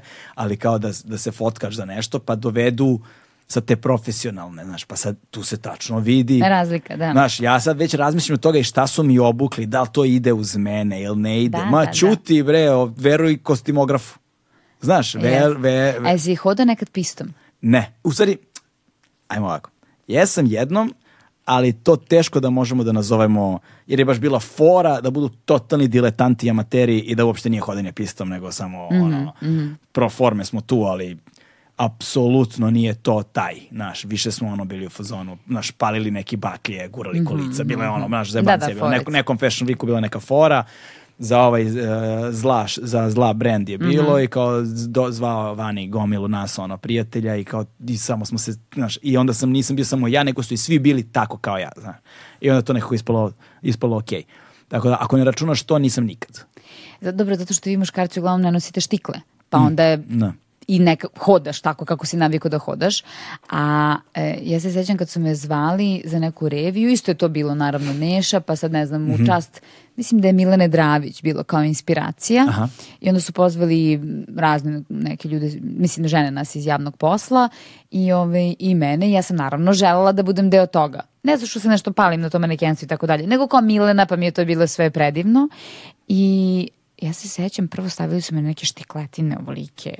Mislim, ja nosim štikle, ali, znaš, ono, tamo nešto poluklizavo, nije mi sve jedno. I odjednom kreće panika kad sam izašla gde da gledam. A, da. Znaš, odjednom kao, jer sada ne sme ti skreće nekako pogled glupo ovako jer izgleda nesigurno. Ja sam kao nekoj haljini u tim štiklama ide neka muzika, ti treba nešto kao hodaš. ti mora zračiš Da, da, da. samopouzdanjem da, A pritom, kao sad onda sam krenula da kao šmeka malo svakog sa strane, pa kao šta tek tu radiš? Znaš, ono, potpuno sam se... Flertuješ kao. Da, da, šta flertaš budalo sa svima, razumeš? Ono, ne, shvatit ćete neko ozbiljno. I onda sam shvatila koliko njima u stvari nije lako. A onda to kad gledaš tamo, pa kao istripaš se kao ta jedna tačka, znaš, kao pa ka njoj, ovaj, nije lako poverovati sebi da si taj. Da, da, Znaš, da, da. znam da nisam ta, ono. kao, kao vidi me kao. Vidi me kao apsolutno nisam, kao što se foliraš. Tako da ovaj stvarno stvarno ovaj da z- onako specifično zanimanje. Zahteva, Zahteva. zahteva praksu, zahteva praksu i zahteva da si tamo i kao i sve ostalo na kraju. I taj stand-up i ta gluma i, i ovo ovde. Znaš, i ja ako napravim veliku pauzu, pauzu Osjetiš. u, ra, u razgovorima, kao, znaš, ispadnem iz ono flow, naš Mhm. momenta i osjetim da verglam. Ve- Osjetim da je sa automatskog prebačeno na manuelno. Ne razumem. da ide I ono, znaš, kao daješ na, na uzbrdici, znaš, vagicu, ono, znaš, va, znaš, ili kao mora s ručnom. Od sam koliko sam bila srednja što mi je to uvek išlo od ruke. Da. Jako. Nešto samo sledeći put ovaj, uračuni parking kada dolaziš. Hoću, dobro, 9 minuta, 9 Dobro, minuta. da, to, imala si sreće. Yes. yes. Ej, ali kao sreća uvek, sa, sa- sreća je sastavni deo uspeha. Jeste. Jeste. Jeste. Mislim, ne volim kad neko uh, uzme samo sreću kao u razmatranje. Mm. Znaš, kao dobro, evo ti ima si sreće, kao Ne, da. dobila si Andru i Anđelku. Pa. Da ja brojim da, ne, da nemam reakciju. Znaš, kao, pa nije sine samo to sreća. Brdo je faktora usput, ali da, jeste i to. A i to se vada zaslužuje. A? Kako Ne? kaže ona definicija sreće, kada se priprema i prilika sretnu. Priprema i prilika. Lepo. Znaš, Jeste. prilike se dešavaju, ali a, treba ih i prepoznati kad se dese. Jeste, jeste. Znaš, to je, to je recimo, znaš da je to jedan od mojih najvećih strahova između ostalog. Dobro. Da neću prepoznati prilike. Mhm. Važne trenutke. Kad, u trenutku kad su važni. Jer zato zapravo za mnoge stvari u životu shvatimo da su važne tek kada su prošle. Jeste. I onda, shvatimo, uj, evo, to je baš bilo važno. Jeste, jeste, jeste. Ili ono pre pet godina, wow, čemu Mhm. smo prisustvovali? Prisustvovali smo istoriji. Znaš, ali u tom trenutku, Ali zna, zamisli da shvataš da si u istorijskom trenutku. Znaš. Po svoj život, nije bitno da, Da, li da. po čovečanstvu. Pa kao, kako bi uopšte živeo u njemu? mm, ne. Znaš, kao sad sreo si devojku i sad zamisli da znaš da je to istorijski moment vašeg susreta. To je što se najgore forma. Ali ja sam znao. Bilo jače od mene. Fuj. Izvini samo sekund, izaći ću sam napolje. ne mora niko da me isprati. Ma ne, ne, ne, super smo. Ove, dobro, drago mi je bilo. E, Nekako, da, ne možeš onda da budeš tu i da učestvuješ i da si tamo negdje svestan situacije. I Bože želi da nešto doda, kaži. Reci Božo.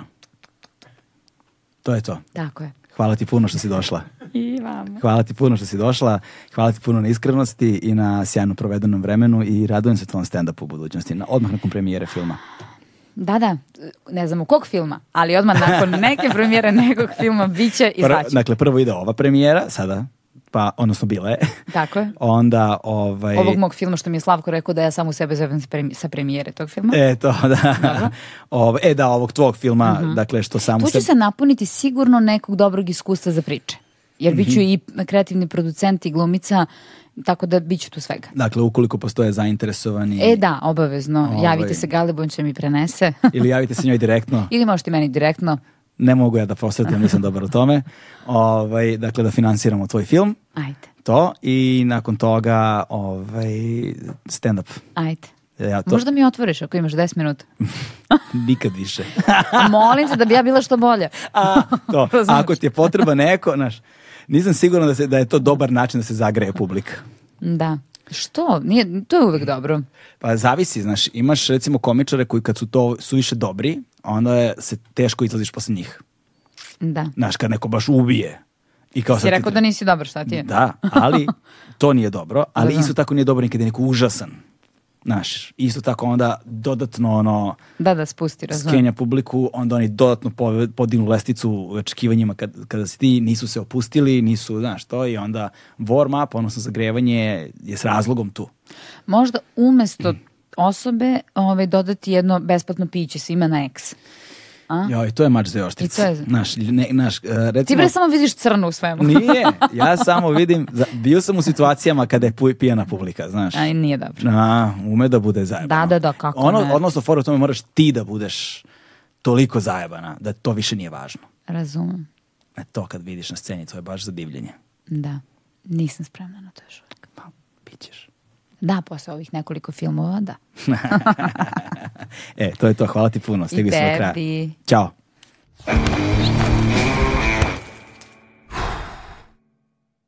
Hmm.